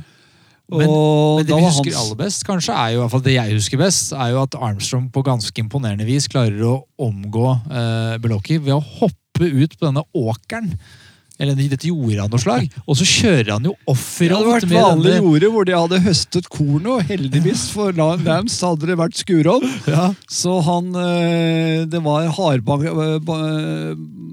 hardbanka jord, Ja. så han, så, og punkterte den jo heller ikke. Så han kom seg over, kjørte cyclocross. ja, Og ble med samlagfavorittene samlerfavorittene på andre sida. Og får en klapp på skulderen det en av de passerer. Men det er så rolig. Altså, er jo, du kunne hatt sånn Svanesjøen-musikk. Altså, det er jo null panikk. Han bare triller fint ned der. og Så tar han sykkelen under armen og løper ut i veibanen. Og akkurat da har de andre kommet rundt svingen, og så er de samla igjen. Game on. Ja, Det eneste som eh, han ikke helt hadde kontroll over, det var Vinokorov. Vinokurov Som hadde kommet alene og holdt unna for Bettini, og vant etappen med 36 sekunder på Bettini. Og kappet jo inn på da avstanden til Armstrong i sammendraget, som da var bare 21 sekunder etter etappen til Kapp. Og det er spennende. Dette er, og dette føler jeg er litt som fellesnevneren for den Tour de France 2003. Det er den spenningen. Det er liksom alltid rundt et minutt blant de topp tre. Hvem som helst kan tilsynelatende vinne hele tiden. Og vi har ikke hatt en eneste individuell tempo ennå. Nei, og Ulrich lurer Sive. Han, ja, absolutt. Og nå har jo Onse og Euskatel har jo registrert svakhet hos Armstrong. Det er, det er mulig å, å presse han, det ser de. Vinokorov gir de glatt F i. Han er nå 21 sekunder unna gul trøye, men de lar han bare gå. Ja. De gjør jo ingenting når han går over La Rochette. De lar han bare gå. For eh, blikket til Armstrong det, det er festa mot Ulrich. Det er han han frykter. Og og De andre driter han i. Og Beloki vel egentlig han falt. Ja, han var jo redd for Beloki, det var ikke noe tvil om det. Og dette var jo avslutningen på Belokis karriere i praksis. Eh, Han kom aldri tilbake etter det uhellet. Prøvde seg jo faktisk i eh, Boig Telekom, var det vel det het den gangen. eh, Det laget som drives av Jean-René Bernadot. Første utlending som var på det laget noensinne. Men han kom aldri tilbake etter den skaden. Nei. Og så er det, var det en eh, etappe, mellometappe før hviledagen. eh, og det var et brudd som eh, gikk inn. 40 varmegrader i Marseille, da koker det i Marseille, altså. Ja, Det var jo en lett etappe, men eh, det gikk et brudd. eh, og der satt en glad danske, Jacob Jakob Pihl. Mm.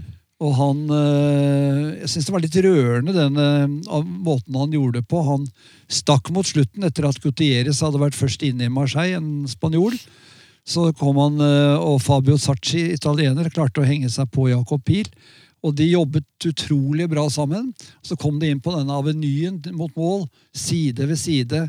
Og så kjører Saki opp på siden av, eh, av Pil, og så strekker ut handa, og så Riktig, shaker de hands. Takk for jobben. Nå skal vi slåss Ja. i én kilometer om hvem som skal vinne denne etappen. Og det ble det Jakob Pil da, som vant den første danske seieren siden Bjarne Riis.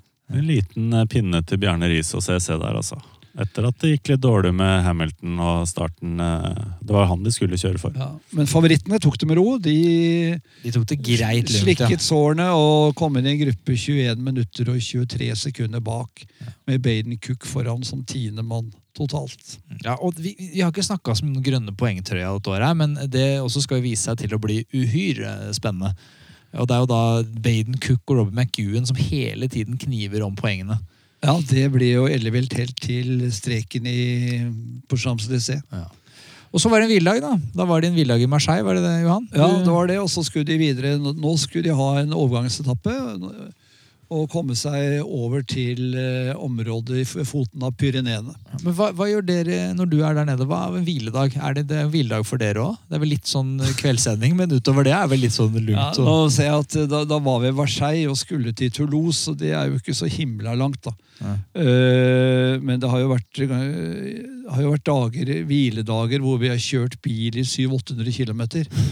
Så det eneste forskjellen da på en vanlig dag, er at vi, vi står opp litt seinere enn vi normalt gjør. Men så må vi kjøre disse milene for å komme frem dit vi skal. Så hviledagene varierer. Det har vært hviledager hvor vi har tatt noen heldigvis noen ganger hatt kort vei. Og er vi da i nærheten av havet, så drar man ned og bader og koser seg. Ja. Eh, Det gjorde vi i år, da det var, eller fjor. Da var det hviledag i NIM. Og da var det kort vei ned til Middelhavet. Nim har jeg faktisk vært. Jeg tror det er der jeg har vært og sett en etappe. Ja, det er nordmann som har vunnet i NIM. Alexander Kristoff har vunnet i NIM. Ja. Så det varierer. Noen ganger holder vi på å kjøre vettas for å komme fra det ene stedet til det andre, hvor rytterne flyr. Mm. Uh, og vi stakkars må jo kjøre bil. Men uh, Marseille-Toulouse er ikke all verden, altså. Nei. Hva, hva, hva, man, hva spiser når dere er der nede? Er det, nyter dere livet med fransk vin og ost og, og, og Det er et godt spørsmål. Ja. Vi, vi bor jo gjerne på steder hvor vi får servert frokost. Ja. Uh, eller vanlig frokost. Fransk frokost er ikke all verden. En croissant og en kaffe, er ikke det? Ja, det er det det er. Uh, så pleier jeg å ta med meg noen sånne uh, rundstykker i baklomma. Ja. Tørre rundstykker, så jeg har det. Eh, og har noe å gnage på frem til sendinga begynner. Og så er det, er det i compounden, så er, kan du få bestilt mat. Okay. Eh, så da har jeg Men jeg liker ikke å spise sånn varm lunsj eh, på papptallerken når jeg sitter og kommenterer. Nei. I reklamepausen, da, som du får Ja, det er da vi har sjanse til å spise. Eh, så da henter en av de tekniske gutta et par bagetter til meg, så spiser jeg et par bagetter Ja. med skinke på eller noe sånt. Og så når rittet er over, så prøver vi da å komme av gårde. Og så prøver vi å finne et sted å spise eh, som, hvor det ikke tar så lang tid. Altså Du kan gå inn på en restaurant med hvit duk og så videre, men du vil sitte halvannen time og vente på maten. Nei. Så vi, jeg, Normalt så spiser jeg aldri på McDonald's. McDonald's er sikkert ålreit, det. Men i Tour de France gjør vi det. Ja. For der får vi mat med en gang. Og kan få godt. spise, betalt og komme oss videre. Ja. Det er, ikke en slags, så- det er ikke en helseretreat når du er på, på Nei, det er ikke det, altså. Så det er sjelden vi spiser kan vi si, en vanlig fransk middag. Ja. Det er sjelden. Det er gjerne på hviledagen, for da har vi litt bedre tid Ja. på kvelden. Jeg har lært et triks av Espen Hansen i Aftenposten, som Ja. har vært ute og reist på sykkel og andre idretter i mange år. Og eh, jeg tenkte kanskje du også var med den gjengen. Eh, Vi har med oss eh, rugbrød eller grove knekkebrød ut på tur, for å sørge for at du får litt fiber underveis. For det får du ikke på de franske buffeene og frokostene. Så du har ikke med noe knekkebrød i baklomma? Nei, jeg har ikke det. Jeg kunne selvfølgelig hatt det, men skal det ligge i den bagen og bli sikkert sånn faktorisert? Så jeg tar disse her eh, Jeg tar disse bagettene Spiser tørre bagetter, altså. Altså, når, hvilke hotell Jeg er veldig jeg er veldig nysgjerrig på denne når du er der nede. Bor dere på, de samme hotellene. Det er ikke Hilton, for å si det sånn. Det er ikke Hilton, nei. nei det er ikke det. Det er Hilton siste natta faktisk i Paris. Ja. Men ellers så er det både enstjerners og tostjerners og trestjerners. Ja. Og øh, øh, steder hvor det ikke er stjerner i det hele tatt. Det har aldri vært tiltrukket på stjerner heller. Kan være campingplasser, rett og slett. Ja. Hvor vi bor i øh, sånne hytter hvor det henger en plastpose på døra hvor det ligger en bagett oppi. Og så må vi gå i resepsjonen og få sengetøy. Så det er ganske primitivt enkelte ganger. Og ikke minst i Pyreneeområdet er det mangelfullt eh, med, eh, med overnattingssteder. Og når det, er, det er jo over 4000 mennesker offisielt, i offisielle roller i Tour de France som flytter seg hvert døgn. Så det er ganske stor press på hotellkapasiteten. ja, selvfølgelig. Så Du har- du vi har har jo- bodd primitivt, vi, altså. Du har jo Campanil, som er en sånn billig kjede, og så har du Premier Class. Ja, men vi har vært langt under Premier Class. Altså. Ok, nei, det blir, nå blir det altså, det er så lytt noen ganger at du hører at naboer at de klør seg i nesa. Altså. ja, Det er godt det bare er det du hører, si. Ja. Ja, ok, Vi har hatt en villdag. Vi har vært i Marseille, og man har reist videre til, til Narbonne, er det vel som er startby. eh, Og da er det etappe 11. Ja, Det er vakker by, og det er ikke så langt fra der jeg bor normalt i Frankrike. Det er bare tre kvarter ned til Seré.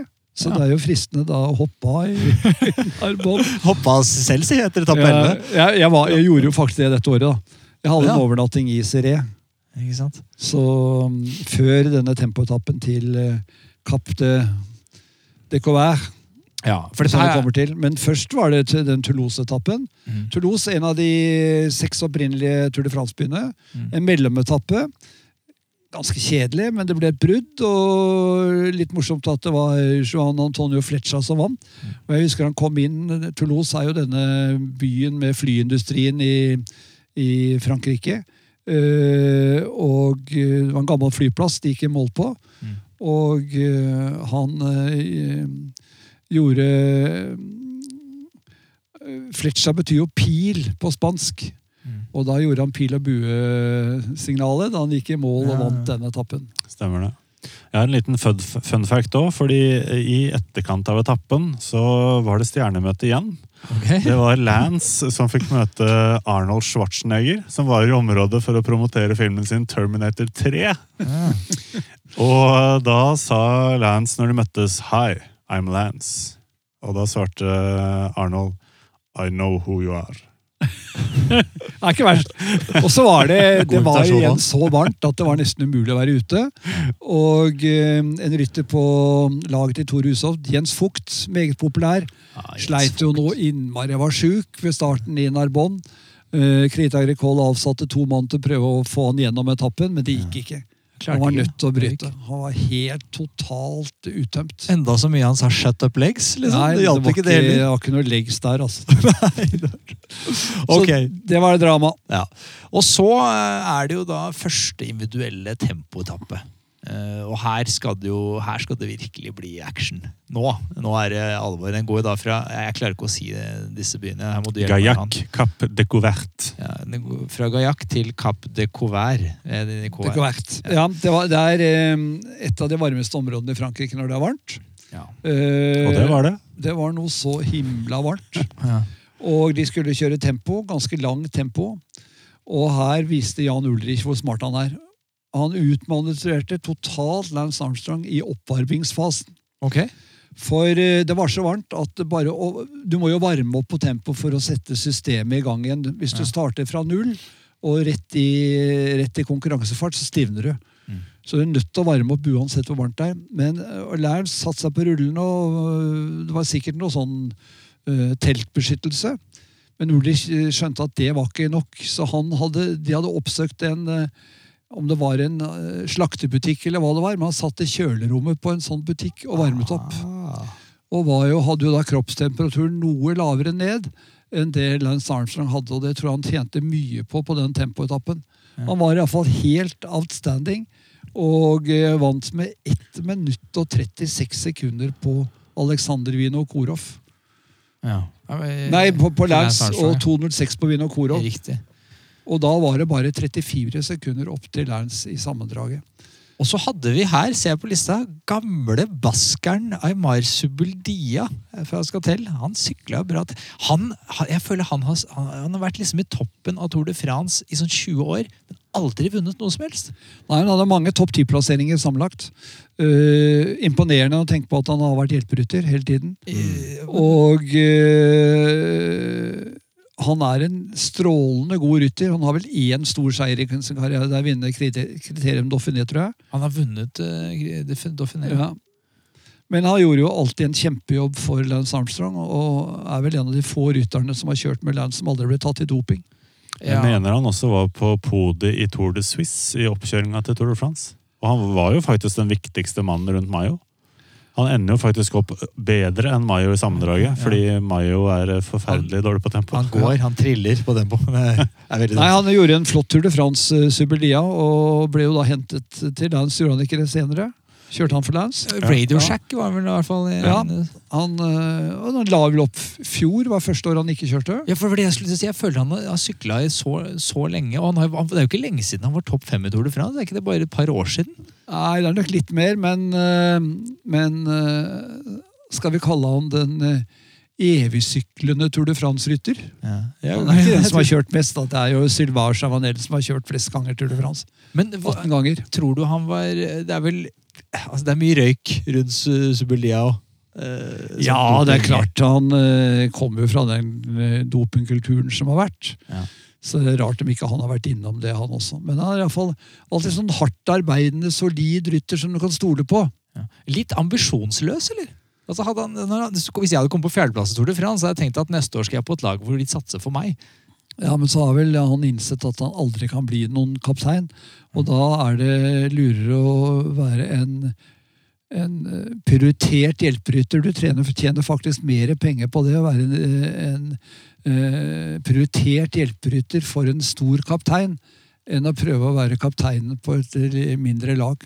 Så jeg tror han har vært lur økonomisk med å forvalte pundet sitt på den måten han har gjort. Ja, ja. Nå kjenner ikke jeg bankkontoen til, til Superia, så heller ikke kundekontakten hans, men jeg tror han har gjort lure valg i sin karriere. Ja. Og så, ja, uansett, eh, det var Mayo, du nevnte det. Han eh, trilla sykkelen. Sykla med støttehjul, jeg vet ikke. Han kom fem minutter og tre sekunder bak. Og begynte vel allerede her begynte han vel å vise at det kan bli vrangt å vinne årets Tour de France. Ja, du, ingen vinner Tour de France hvis du ikke er god på tempo. Det tror jeg vi kan si. Og så var det som du sa, Ryktet her var jo at Armstrong var dehydrert, og at det var grunnen at han presterte dårlig. Men, men eh, første ordentlige varsko er vel denne etappen her.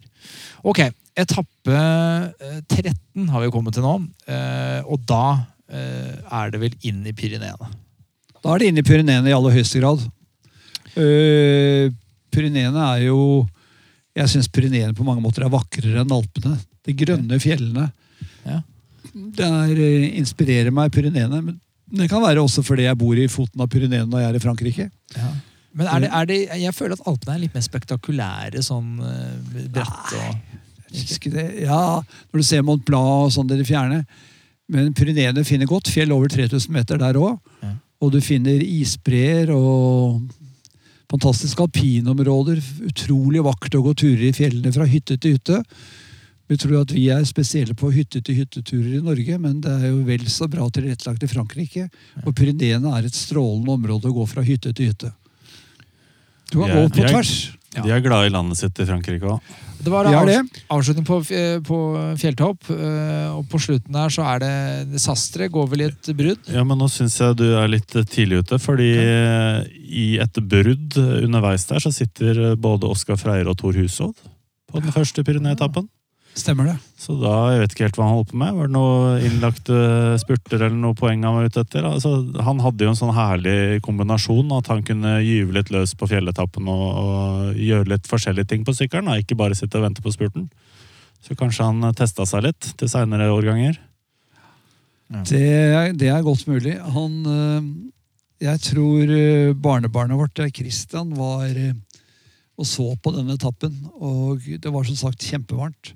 Ja. Og han hadde gledet seg til å gi Tor Huse å drikke i en plastflaske som da var eh, sikkert 40 grader varm den nå. Og kona mi forteller det at da Tor var veldig glad for å få flaska, men da han kjente på innholdet, så hylte han. For det var, det var kokt vann. altså. Kokende vann. Ja. Ja, Det var ikke så raust, det, og Christian ble veldig lei seg. Ja. Og, og en annen liten ting her, og det er jo et eh, taktisk spill som pågår. US Postal klarer faktisk å få José Luis Rubiera med i bruddet. Det er ganske godt gjort når du har blikket fra alle de andre stivt festa mot deg. og Det er i hvert fall ingen fra US Postal som skal gå i bruddet her. Det var jo et uh, spennende brudd med Sastre, ikke minst. Mm. Og var jo god klatrer Mercado også. Så de satt der uh, i det bruddet. Men kanskje Og- enda mer spennende er jo det som skjer i favorittgruppa bak. Ja, Lance viser at han er, har vært dehydrert dagen før. At han er på hæla. Og eh, må jo, så vidt jeg husker, eh, gutter, så var det tre kilometer fra toppen at, eh, at han ble droppet av Ulrich. Det er riktig. Og eh, mange eksperter påstår at Ulrich kunne vunnet Tour de France den dagen. Hvis han hadde virkelig knytt løkken hardt nok rundt halsen på Armstrong. Og var ikke det litt sånn feilen med Ulrich hele tiden? At han, var- han mangla litt den derre eh, vinnerskallen som Armstrong hadde. Han var litt sånn eh, At han liksom ikke ja, for Det er bare opplevelsen fra å se det på TV. da At Han liksom ikke Han, han satsa ikke nok. Han var for redd for å tape. Og skal du vinne, så kan du ikke, da må du tørre å tape også. Han var en sånn maskin som manglet et lite gir, føler jeg. Mm. Eh, nå var han eh, 1-0-1 bak eh, Skal vi se, Åssen var det i sammenlagtlista da? Eh, Han var vel litt over halvminuttet bak. ja, han var det. Eh, og Lance tapte ikke mer enn syv sekunder til Ulrich på etappen. altså. Nei, men så er det noen tidsbonuser her som vi ser når vi ser på sammenlagten. Men 15 sekunder var det mellom de to gutta etter denne Etter den tappen. Ja. Det var, det var 34 sekunder eh, inn. Ja. Også på grunn av de, han, Det som skjer, er at Sastre vinner, og så kommer Ulrich og faktisk Subeldia. De to dropper, klarer å droppe Armstrong. Så Han kommer bare syv sekunder bak, men han mister jo alle bonussekundene. Som gjør at etter denne etappen så er det som du sier, da er det bare 15 sekunder mellom Armstrong og, og Ulrich. Men Vino er jo også i miksen der, for han eh, stikker jo også på slutten, selv om han holdt på å, å slippe rett i forkant. Ja. Så det er spennende nå med tanke på sammenlagt, for det er én tempoetappe igjen. Og så husker vi da den første tempoetappen, hvor Ulrich eh, massakrerte Lance Armstrong. Så kanskje Ulrich var mannen som hadde så ut av S i sine ermer med tanke på avslutningen i en annen på den tempoetappen.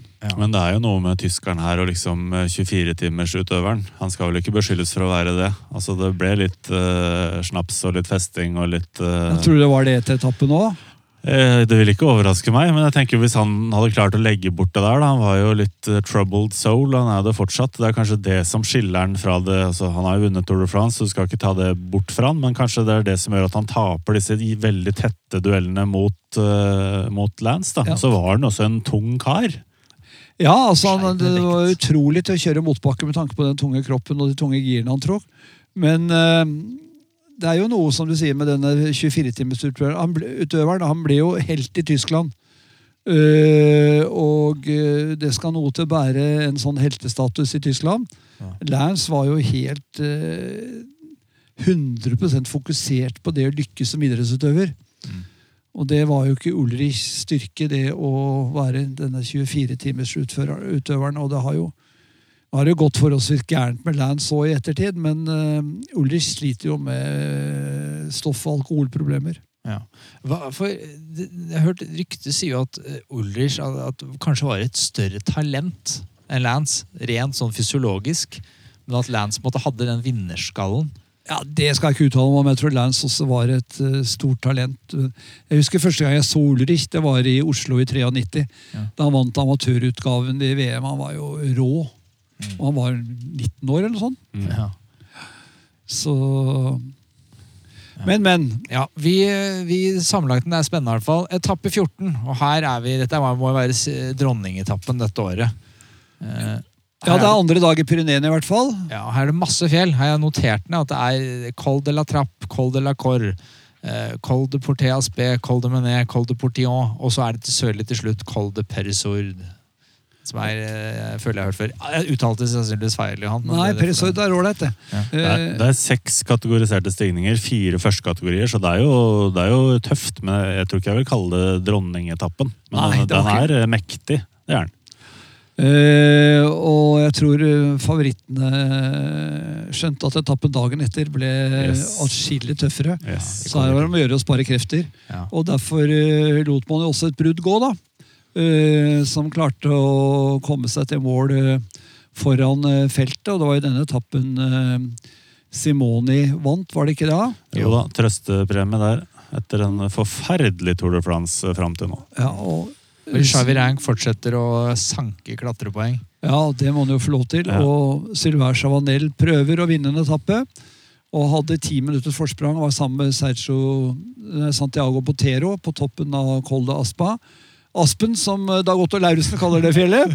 eh, det Dag Otto, det må du slutte med, for det heter Aspa. Eh, de hadde ti minutter der, disse to gutta. Og Ulrich prøvde å kvitte seg med Armstrong på Tourmalet. Vinokoro sleit noe infernalsk. Eh, Men da de startet siste bakken, så Har du hoppa Nei, videre da hoppa, nå, Johan? hoppet litt. Nå hoppa du videre. Da hoppet jeg, jeg- jeg Jeg, har ta- notert det. skjønner. Nei, det var, De var over Col de Portes d'Aspé. Det var der uh, Casatelli døde i 1995. Eh, olympiske mesteren fra Barcelona i 92. Det var grusomt. Jeg øh, husker jeg så det der, jeg satt inne i stua mi og så da han gikk i betongveggen med huet først uten hjelm. Det var grusomt. Men Simoni, Loa Dufaux og denne helten din, uh, Verenk, de kom aleine til mål. Jeg husker den spurten. Det var ganske slapp spurt, syns jeg. Tre mann som ikke kan spurte, som spurtet. Og, og så var det 90 graders sving nede i bånn der, og så var det da Simoni da, som endelig klarte å få en uh, triumf i Tour de France i 2003. Ja. Favorittene 1.24 bak Lance Ulrich inn sammen. Ja. Jeg, har et lite taktisk moment igjen, og det er at Brunell Brunel eh, får Manuel Beltran i brudd. Noe som får Bianchi og Auskatel til å jobbe bak. Altså Det er ganske bra spilt. Når du får med på to av de første tre Pyreneen-etappene, så får du faktisk med mannen i brudd. Ja, det, det gjør at, som du sier, at de må slite litt mer bak. Og ikke minst er det smart av Brunel, for etappen dagen etter var en uh, tøffing, altså. Ja. Det må jo sies at, eh, at eh, Vinokurov eh, og, og Mayo angriper får noen sekunder her, så sammenlagtlista nå inn eh, etter etappe 14 er Lance Armstrong 15 sekunder foran Ulrich, 18 sekunder foran Vinokorov. Altså, det er jo eh, uhyre spennende. Og så skal vi inn i etappe 15. Og eh, dette er etter min bok Her så jeg på YouTube her, her om dagen. Ja, ja. Dette må være kanskje tidenes etappe i Tour de France. Eh, altså her, her, her er det action her. Og det er spennende, og alt liksom ligger til grunn for at dette skal liksom være Så jeg anbefaler de av dere som, som hører på, gå inn på YouTube og søke opp etappe 15 i Tour de France 2003. Dritspennende. Vi hadde jo denne koronatiden noen øh, Lagde noen program på TV 2 blant de ti største Tour de France-øyeblikkene. Og da var jo selvfølgelig den etappen med. Ja, ikke sant? Uh, Men hvordan gikk det på lista? Jeg lurer på om det, det husker jeg ikke, men Nei, ok. det må jo ha kommet høyt opp. altså. Ja. Nå kommer jo selvfølgelig seieren til Tor Hushovd ja. i, øh, i Lord veldig høyt opp. Men uh, der hvor det ikke var nordmenn med i finalen, så kom jo denne veldig høyt opp. altså. Men det var iallfall en utrolig spennende etappe. og Uh, Og så var det vel tydelig at Armstrong og Ulrich hadde en slags stilltiende avtale om at det er, det er opp til Lusardi den. Det er der vi skal avgjøre hvem som er kongen i år. Eh, for de hadde jo ikke angrepet hverandre dagen i forveien, selv om det var, selv om det var mulig. Eh, og så på ni kilometer igjen, det er da det begynner å skje i favorittgruppa.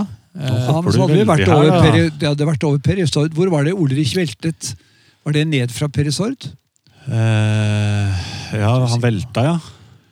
er Han var i hvert fall klart underlegen eh, Armstrong i Ja, for man mener jo at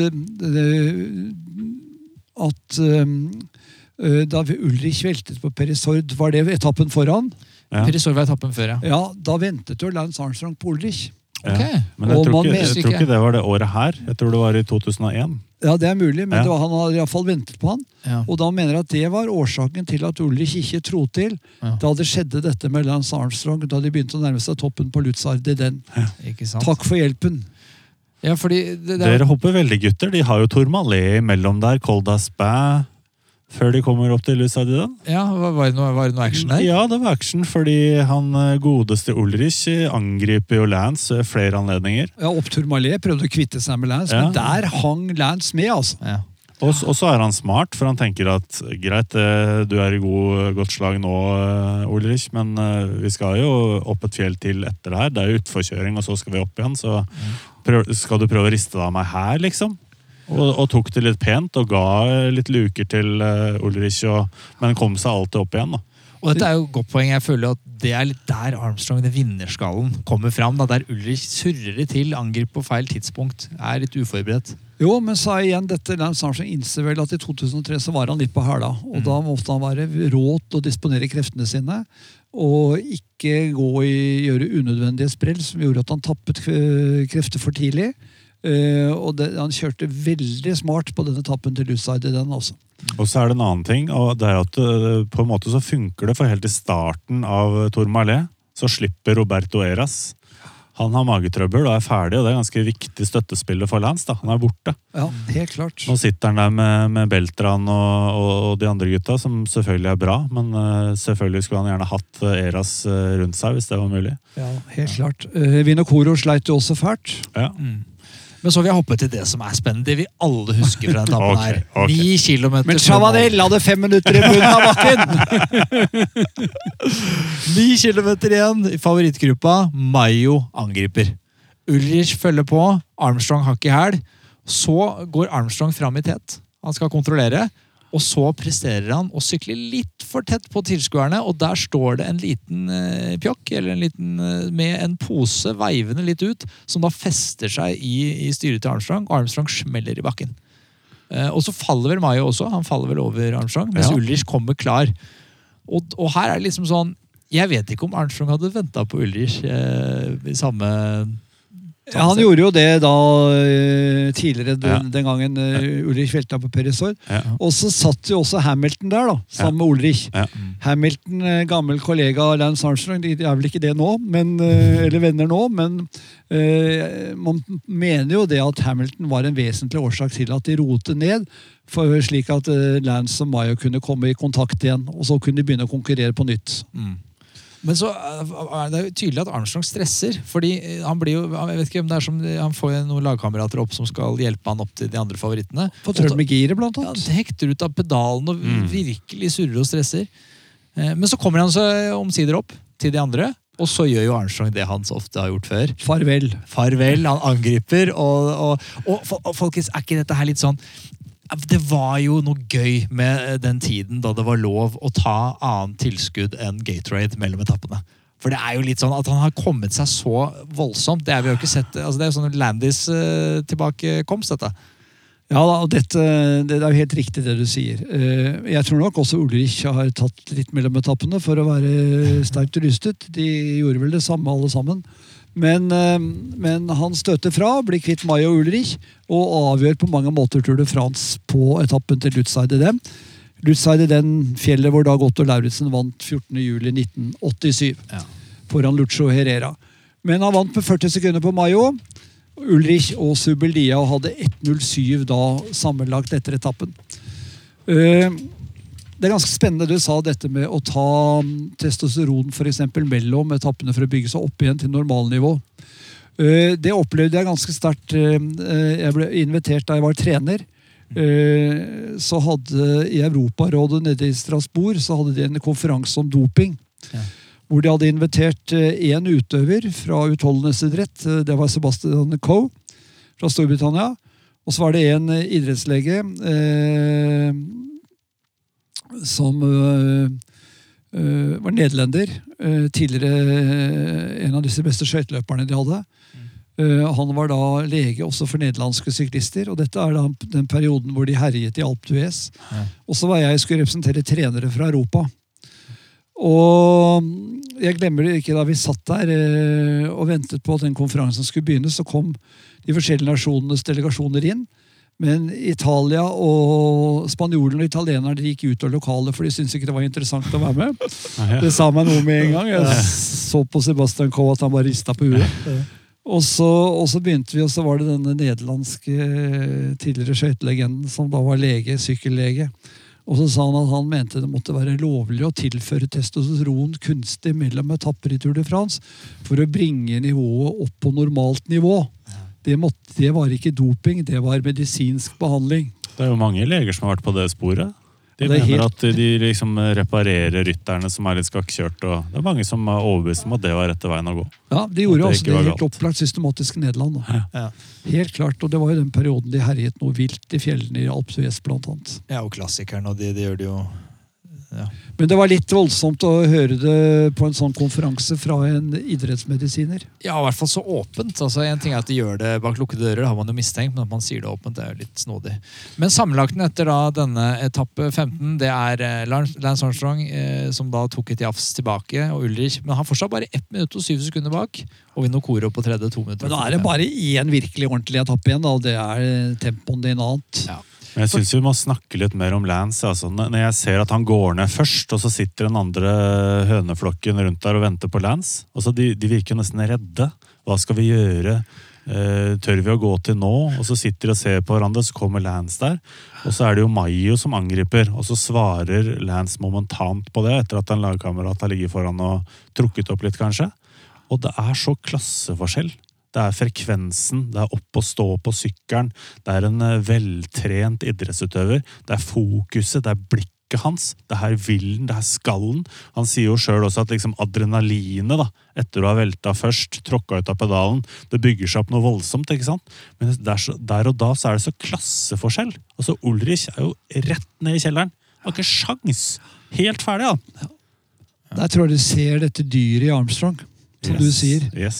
At uh, Der innser han at han er, det er kort vei til mål. Ja. Han kjenner selvfølgelig på kroppen. Og så er det jo noe med når du går i bakken, så blir det et ad- adrenalinkick. Ja, ja. I aller høyeste grad. Men- og det adrenalinkicket, det utnytter han. Og så er det tempoen som venter. For han fikk jo bank av Ulrich på den første. Ja. Jeg trenger mer tid. Det- Jeg må gjøre det nå. Her. Er. Men en ting som jeg, når du nevner det, du kan jo litt om, om trening og liksom sånn, øh, Johan. Og, og, øh, når du ser på stilen til Ulrich, er det tunge gir, selv i fjellene, tunge gir, og liksom det er kraft, som det drives av kraft. Mens med Armstrong så er det mye mer frekvens. Og, og han var jo litt som en pioner på det å sykle med frekvens. Hadde studert det, som vi ser Froome og disse andre. Ja, Det er forskjellige skoler. og eh, Tyskerne var jo veldig hengt opp i dette tunge girsystemet sitt. Bruker mye krefter til å kjøre på kraft. Eh, De glemmer det elementet som jeg tror eh, Lambs og den klikken hans var gode på å innse at eh, skal du lykkes, så må du ha god blodgjennomstrømning. Mm. Og, eh, og derfor hadde de kjørt det med høyere frekvens enn det man mener er optimalt for å skape størst mulig fart. Okay. Det er gjort forskningsoppgaver hvor de anbefaler en tråkkfrekvens på, på 90 som maksimalt, men der, der kjøres det gjerne 100 og 110 i tråkkfrekvens opp bakkene. Ja. Fordi han mente at muskulaturen hadde gått på gått, av det, og det ble en variasjon. og han, Så han reiste seg en del når han tro også. Da får du også litt annen eh, belastning på, variert belastning på muskulaturen. Ja, Når de sitter og hamrer og hamrer og hamrer, og da, da blir det etter hvert eh, noe statisk over det.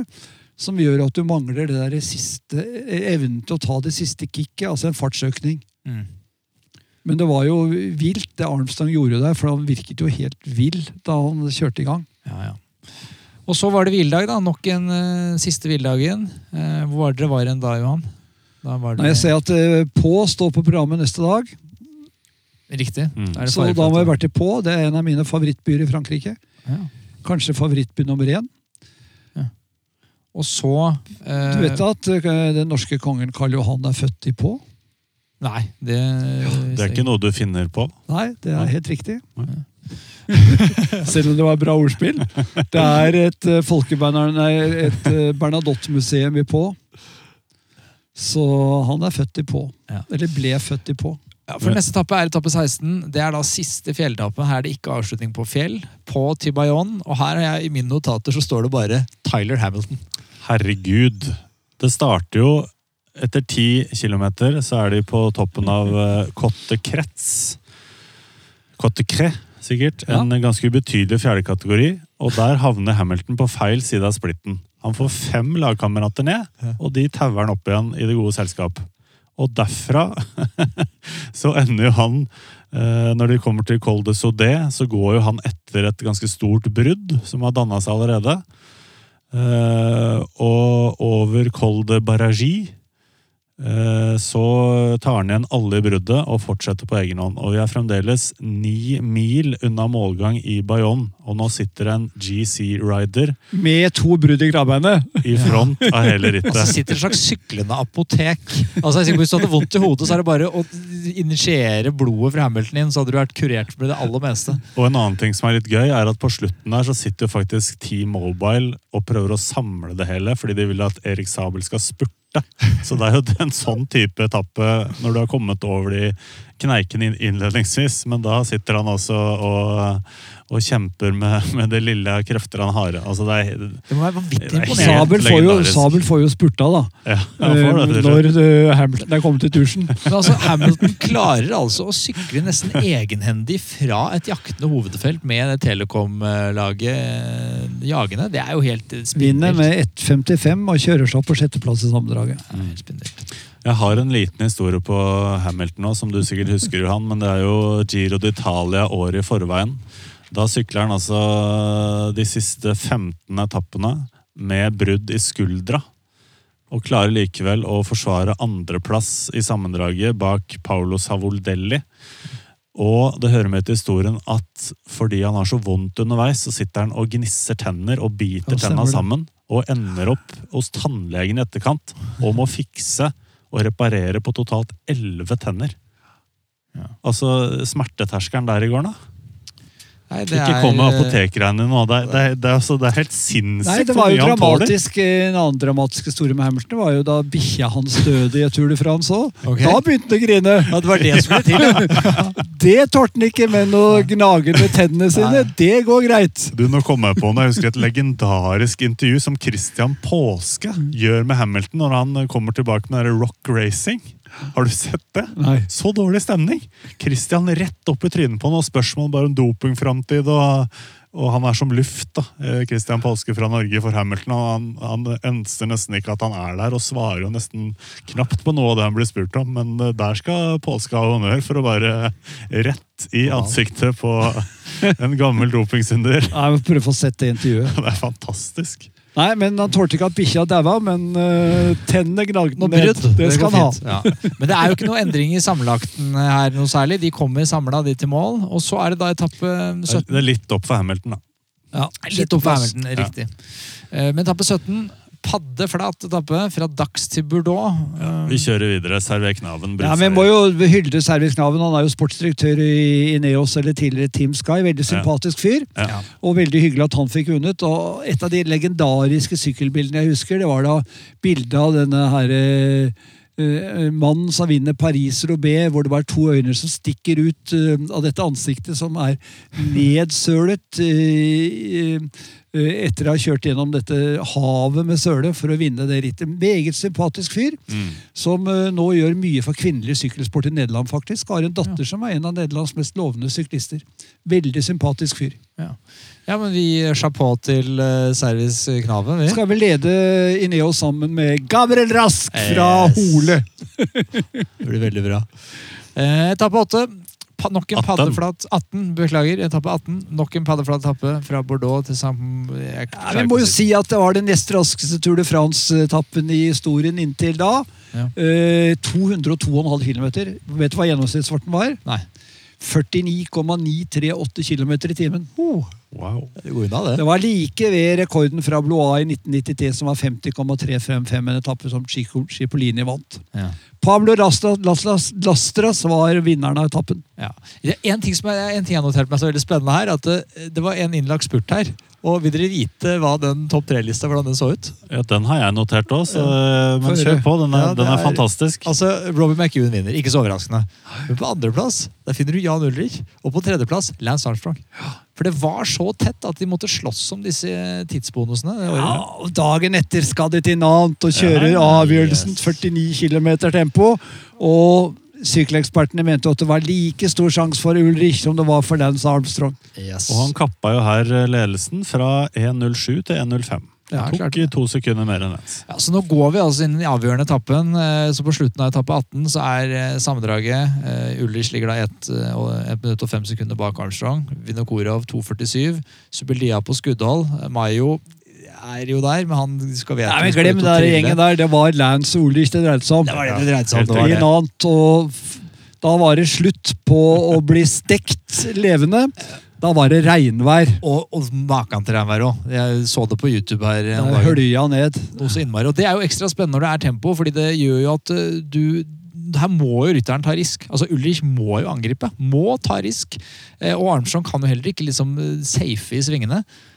Nei, Ulrich klarte jo ikke det. Han sklei en rundkjøring, så vidt jeg husker. Han gjorde det. Og heldigvis for han så var det regnvær, så han bare ble sklei av gårde. Det ble ikke noe skader. Men eh, det var jo det som avgjorde hele Tour de France i Lance Armstrongs favør, for å si det rett ut. Ja. Det var ingen av de to som vant etappen, da. Men uh... Men Ulrich skal jo sies at det var jo ikke den han falt, han falt vel ikke fra en seier i Tour de France, for han leda vel med ti sekunder og sånn på det meste. bare. ja, På Armstrong, altså. ja, han gjorde det. Eh, Men etappen ble vunnet av en eh, Som David burde ha Miller. vunnet uh, prologen. skulle vunnet mot prologen, ja. Og så var det denne mannen med død bikkje og nedlagde tenner. Mm. Tyler Hamilton som ble nummer to, ganske utrolig bra. Bare ni sekunder bak eh, David Miller, og så var han fem sekunder foran Lance Armstrong. Lance slo Ulrich med elleve sekunder, har jeg notert. Ja, og det var vel mye pga. det fallet, ellers hadde vel Ulrich vært litt, litt foran. Ehm, og så eh, er det, var det slutt, da. Så var det 2003. Da skulle man til eh, Paris. eh, og Tour de France var vel mer eller mindre avgjort. Det har vel aldri skjedd. Har det skjedd før? Ja, at, det var jo selvfølgelig 1989, da, men da var det jo en tempo til slutt. Men det har vel aldri skjedd at det har blitt noen endringer på en flat etappe inn til Champs-Élysées? Nei, Ikke i moderne tid, i hvert fall. Nei. Det har vært noen endringer på tredje vi tror Koro kjørte seg opp på en pallplass en gang. hvor eh, Støtet fra feltet på Champs-Élysées. Ja. Han vant jo på Champs-Élysées. Ja, da Luringen. kom han seg opp en plass. Men det som var gøy på den siste lappen, var jo kampen mellom australierne når det gjaldt den poengtrøyen. Yes. Baden Cook, Robbie McEwen. Og eh, eh, Cook slo Ewan, de ble nummer to og tre. Og da vant han med disse to nødvendige poengene som han trengte. Ja. Og så var det din helt fra du nevnte i stad, Jean-Patrick. Ja, det er ikke, altså. vet ikke om han er min helt, men han var ganske god til å spurte. Så han vant da den siste etappen. Men det er jo stas da med en franskmann som vinner på Champs-Élysées. Ja, og det har det skjedd uh, etter det. Det er dere som, det er, dere som er ekspertene. ser på han i Arnaud de. Mar. Nei, jeg tror ikke de har klart det. Nei, de har ikke klart det. Det er vel ingen andre som har uh, yppa seg da. Nei, så Han er den siste franskmann som har vunnet da, på Champs-Élysées i 2003. Ja. ja. Og så sammenlagten til slutt, da. Eh, Armstrong vinner foran Ulrich, og er det Vinokorov på en tredjeplass. Eh, og, og, og, og dette var vel den gangen som vi har om flere ganger, hvor Armstrong for alvor ble trua i løpet av hele det, de syv eh, seierne sine. Jeg tror, eh, tror nok det at eh, det kanskje er Ja, det er iallfall en av de tre mest dramatiske Tour de France-ene jeg har sett. Eh, det var, skjedde noe hele tiden. Nei, det var eh, hva Er det noen annen, takeaways fra den, eh, den Tour de Francen, eh, Johan? Noe du har på hjertet? Nei, jeg husker ikke så veldig mye annet. Jeg, annet enn at uh... Kan du se på de andre trøyene? da, Det er jo ikke overraskende. så var det jo uh, Klatretrøya ble vunnet av uh, Vrank. Han vant den helt overlegen, som han pleide å gjøre på den tida. Eh, Og så var det som du sa, Baden Cook vant jo knepent da foran Rob McEwan. Det skal jo sies Rob McEwan sykla faktisk i grønn trøye på den siste etappen. Så her ble det trøyeskifte på podiet. Tor Hushovd, fjerdeplass. Eh, var jo alt god, han. Ja, men du vet, Fjerdeplasser på NM-konkurransen det er ikke mange som husker, og det spiller ingen rolle. Ja, vi må jo hylle det vi har å hylle. Ja, ja, men uh, spiller ingen rolle. Også på ungdomstrøya så er det en russisk luring som begynte å vise seg. Dennis Menshov Ja. eh, vinner den. Han skulle vi høre mer fra i årene som kommer. Uh, Aleksandr Vinokurov blir mest combative, og så er det denne prisen du nevnte som gikk til Stuart O'Grady. Så- Ja, han tok den, ja. Ja, han gjorde det. Men jeg syns jo du nevnte Vinokurov. Jeg syns det er interessant eh, hvordan de neglisjerer Vinokurov hele veien. Og den ene etappen han ikke angriper på, det er jo eh, Det var den Per Sord, var det ikke det? Jo. Eh, og han havner jo også i trøbbel på Luside i den, for han kommer jo opp til Han får kontakt med gruppa to kilometer før Lance tryner. Men jeg tror han ble kjørt av igjen før det. Så det men han har eh, halvannen dårlig dag, da, uten å dominere på de aller fleste fjelletappene. Og Lance og Ulrich de enser han ikke engang. De bryr seg ikke. De ser bare mot hverandre. Nei, han, var en, eh, han var jo en strålende syklist. selvfølgelig. Han var jo steintopa. Eh, Det har, jo, det har vi skjønt. Han ble jo utestengt også. Husker da han ble tatt i doping det, i Tour de France. Da var vi på. Det var en hviledag. Vi trodde vi skulle få det rolig på. men Det ble det jo ikke. Ja. Uh, Det var da han påsto at uh, det var faren som hadde Var det noe brennevin som faren hadde, som var forårsaket til den dopingskaden? Det var såpass, ja. Ja, Det var ikke bikkja til naboen. Nei, det var ikke det. Nei. Men uh, han kom jo tilbake til doping. Han har jo hatt resultater i nyere tid. Han ble olympisk mester i 2012. Det også er det vel litt spekulasjoner rundt om. Han har jo, altså vant han vel i Passon Liège, hvor han betalte han russeren han, Colombe, da. Ja. Uh, OL i 2012 er jo noe av det mest frustrerende jeg har sett i mitt liv. Mm. Uh, da satt jeg her i stua også. Uh, at ikke Alexander Kristoff vant det der, der det, er, det er en taktisk blunder av Lars Petter Norhaug. Hva er det han holder på med der? Han skal være en tøffing han, og angripe Det er en sammen liten kanskje gruppe som sitter igjen. Og, hvis du begynte, å- og så begynte jeg å analysere de gutta som satt der. Mm. Det er Ingen var bedre spurter enn Alexander Kristoff. Selvfølgelig ikke. Og så hadde han en av de mest lojale hjelperytterne i feltet, Lars Petter Norhaug, med seg i finalen, som var sterk og klar og god. Og så lar de de to der håpløse spurterne Vinokurov og Rigoberto Uran stikke av gårde på andre siden av veien. I en nedoverbakke. Ja, det er helt katastrofe. Ja, ja. Nei, vi får Nei, ta det, det, på jeg blir eh, får frysninger på ryggen når jeg tenker på den muligheten. Ja. Men uh, veldig fort før vi gir oss, Armstrong, uh, hva er hans legacy? uh, Johan, hva, hva sier du?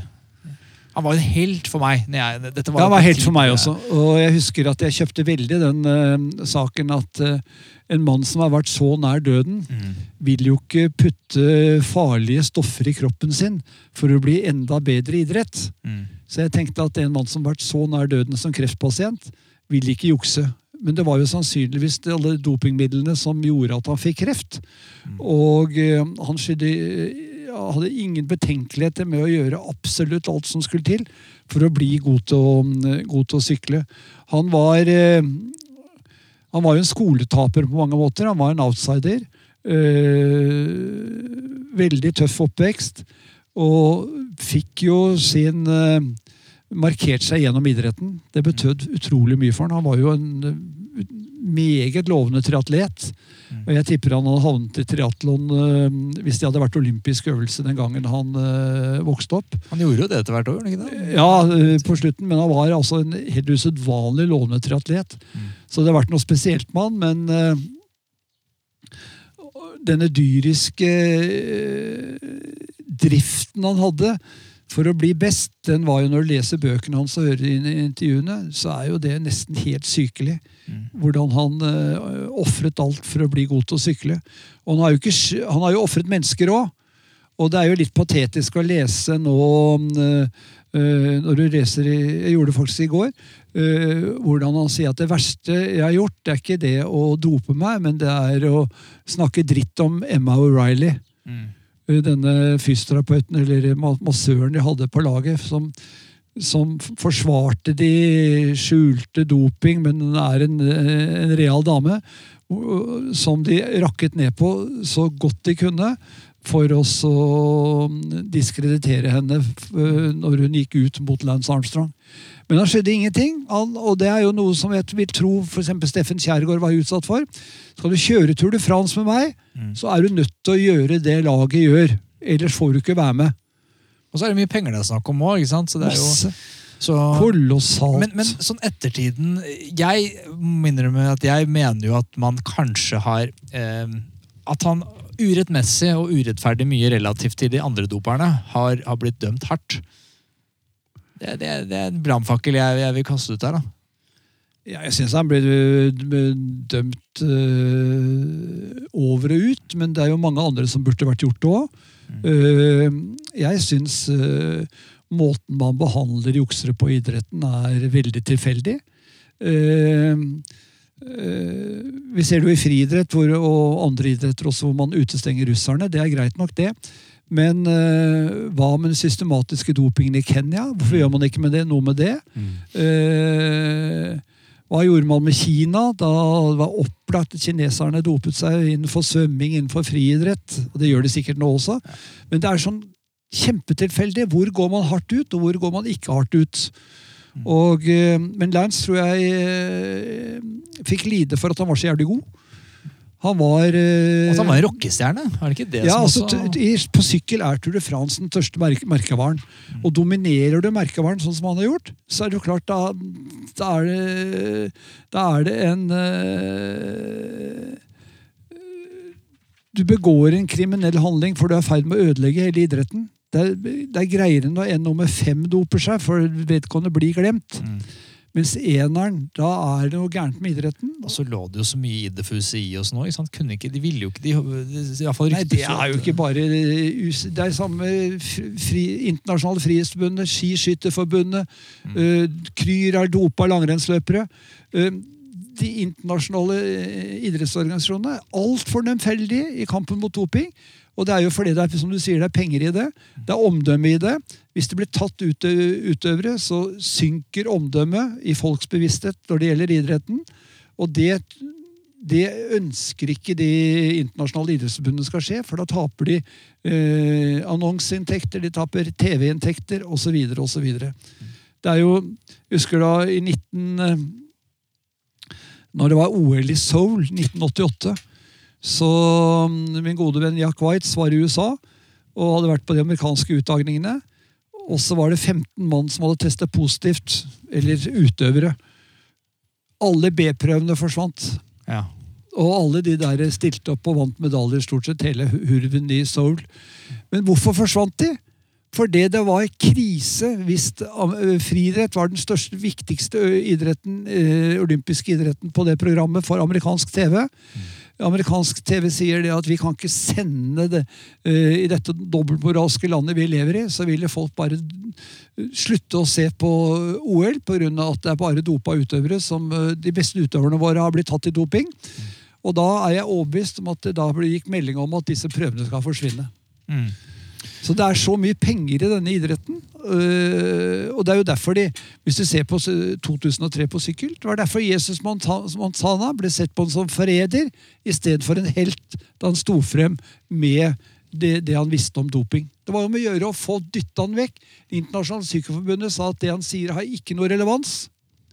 Det var jo Hein Bryggen som ledet Det internasjonale sykkelforbundet på den tiden. Han var ingen forkjemper for ren idrett, altså. Nei. Og han var jo også det, jo, det har jo vært klare indikasjoner på at Lance Armstrong betalte presidenten i Det internasjonale sykkelforbundet. Det er noen transaksjoner der som er litt vanskelig å forklare. Han var altså da ble etter hvert forfremmet til visepresident i IOC, en av disse visepresidentene. No. ja, ja, vet du hva? Dette har vært helt fantastisk hyggelig. Vi har, jeg har jo sittet her på og ser utover den nydelige åkeren din her på Kaggestad gård. Jeg har ikke kommet så langt ennå. Nei, men dette, dette har vært kjempehyggelig. Takk for at du, du lot oss komme på besøk. Det skulle bare mangle. Så, Kom igjen, dere. Jeg, jeg sitter her, jeg. så gleder vi oss til å følge årets Tour de France til, til sensommer høsten. Ja, Vi håper det blir noe. Og så skal vi fortsette vår turné, vi, gjør det, skal vi ikke det? Og snakke om, om mimre tilbake til andre årganger. Neste gang. så Det skal vi. Jeg gleder meg. Hvordan kommer jeg? For jeg har hørt på dette. Vi skal kjøre litt sånn teknisk support her nå etterpå, Johan. Så skal Ja, for jeg må, jeg må høre når dere skal snakke med Kurt og alle de andre spennende folkene. ja. Yes. Det må Edvald jeg skal vi snakke med, og Gino skal vi snakke med. Ja. kommer flere. Ja. Kanskje også noen kolleger av deg i TV 2. Ja, Gino er spennende, vet du, for jeg tror NTT blir eh, et ganske snakke bra om- lag i år. Og da skal vi snakke om uh, Le Monde Fignon.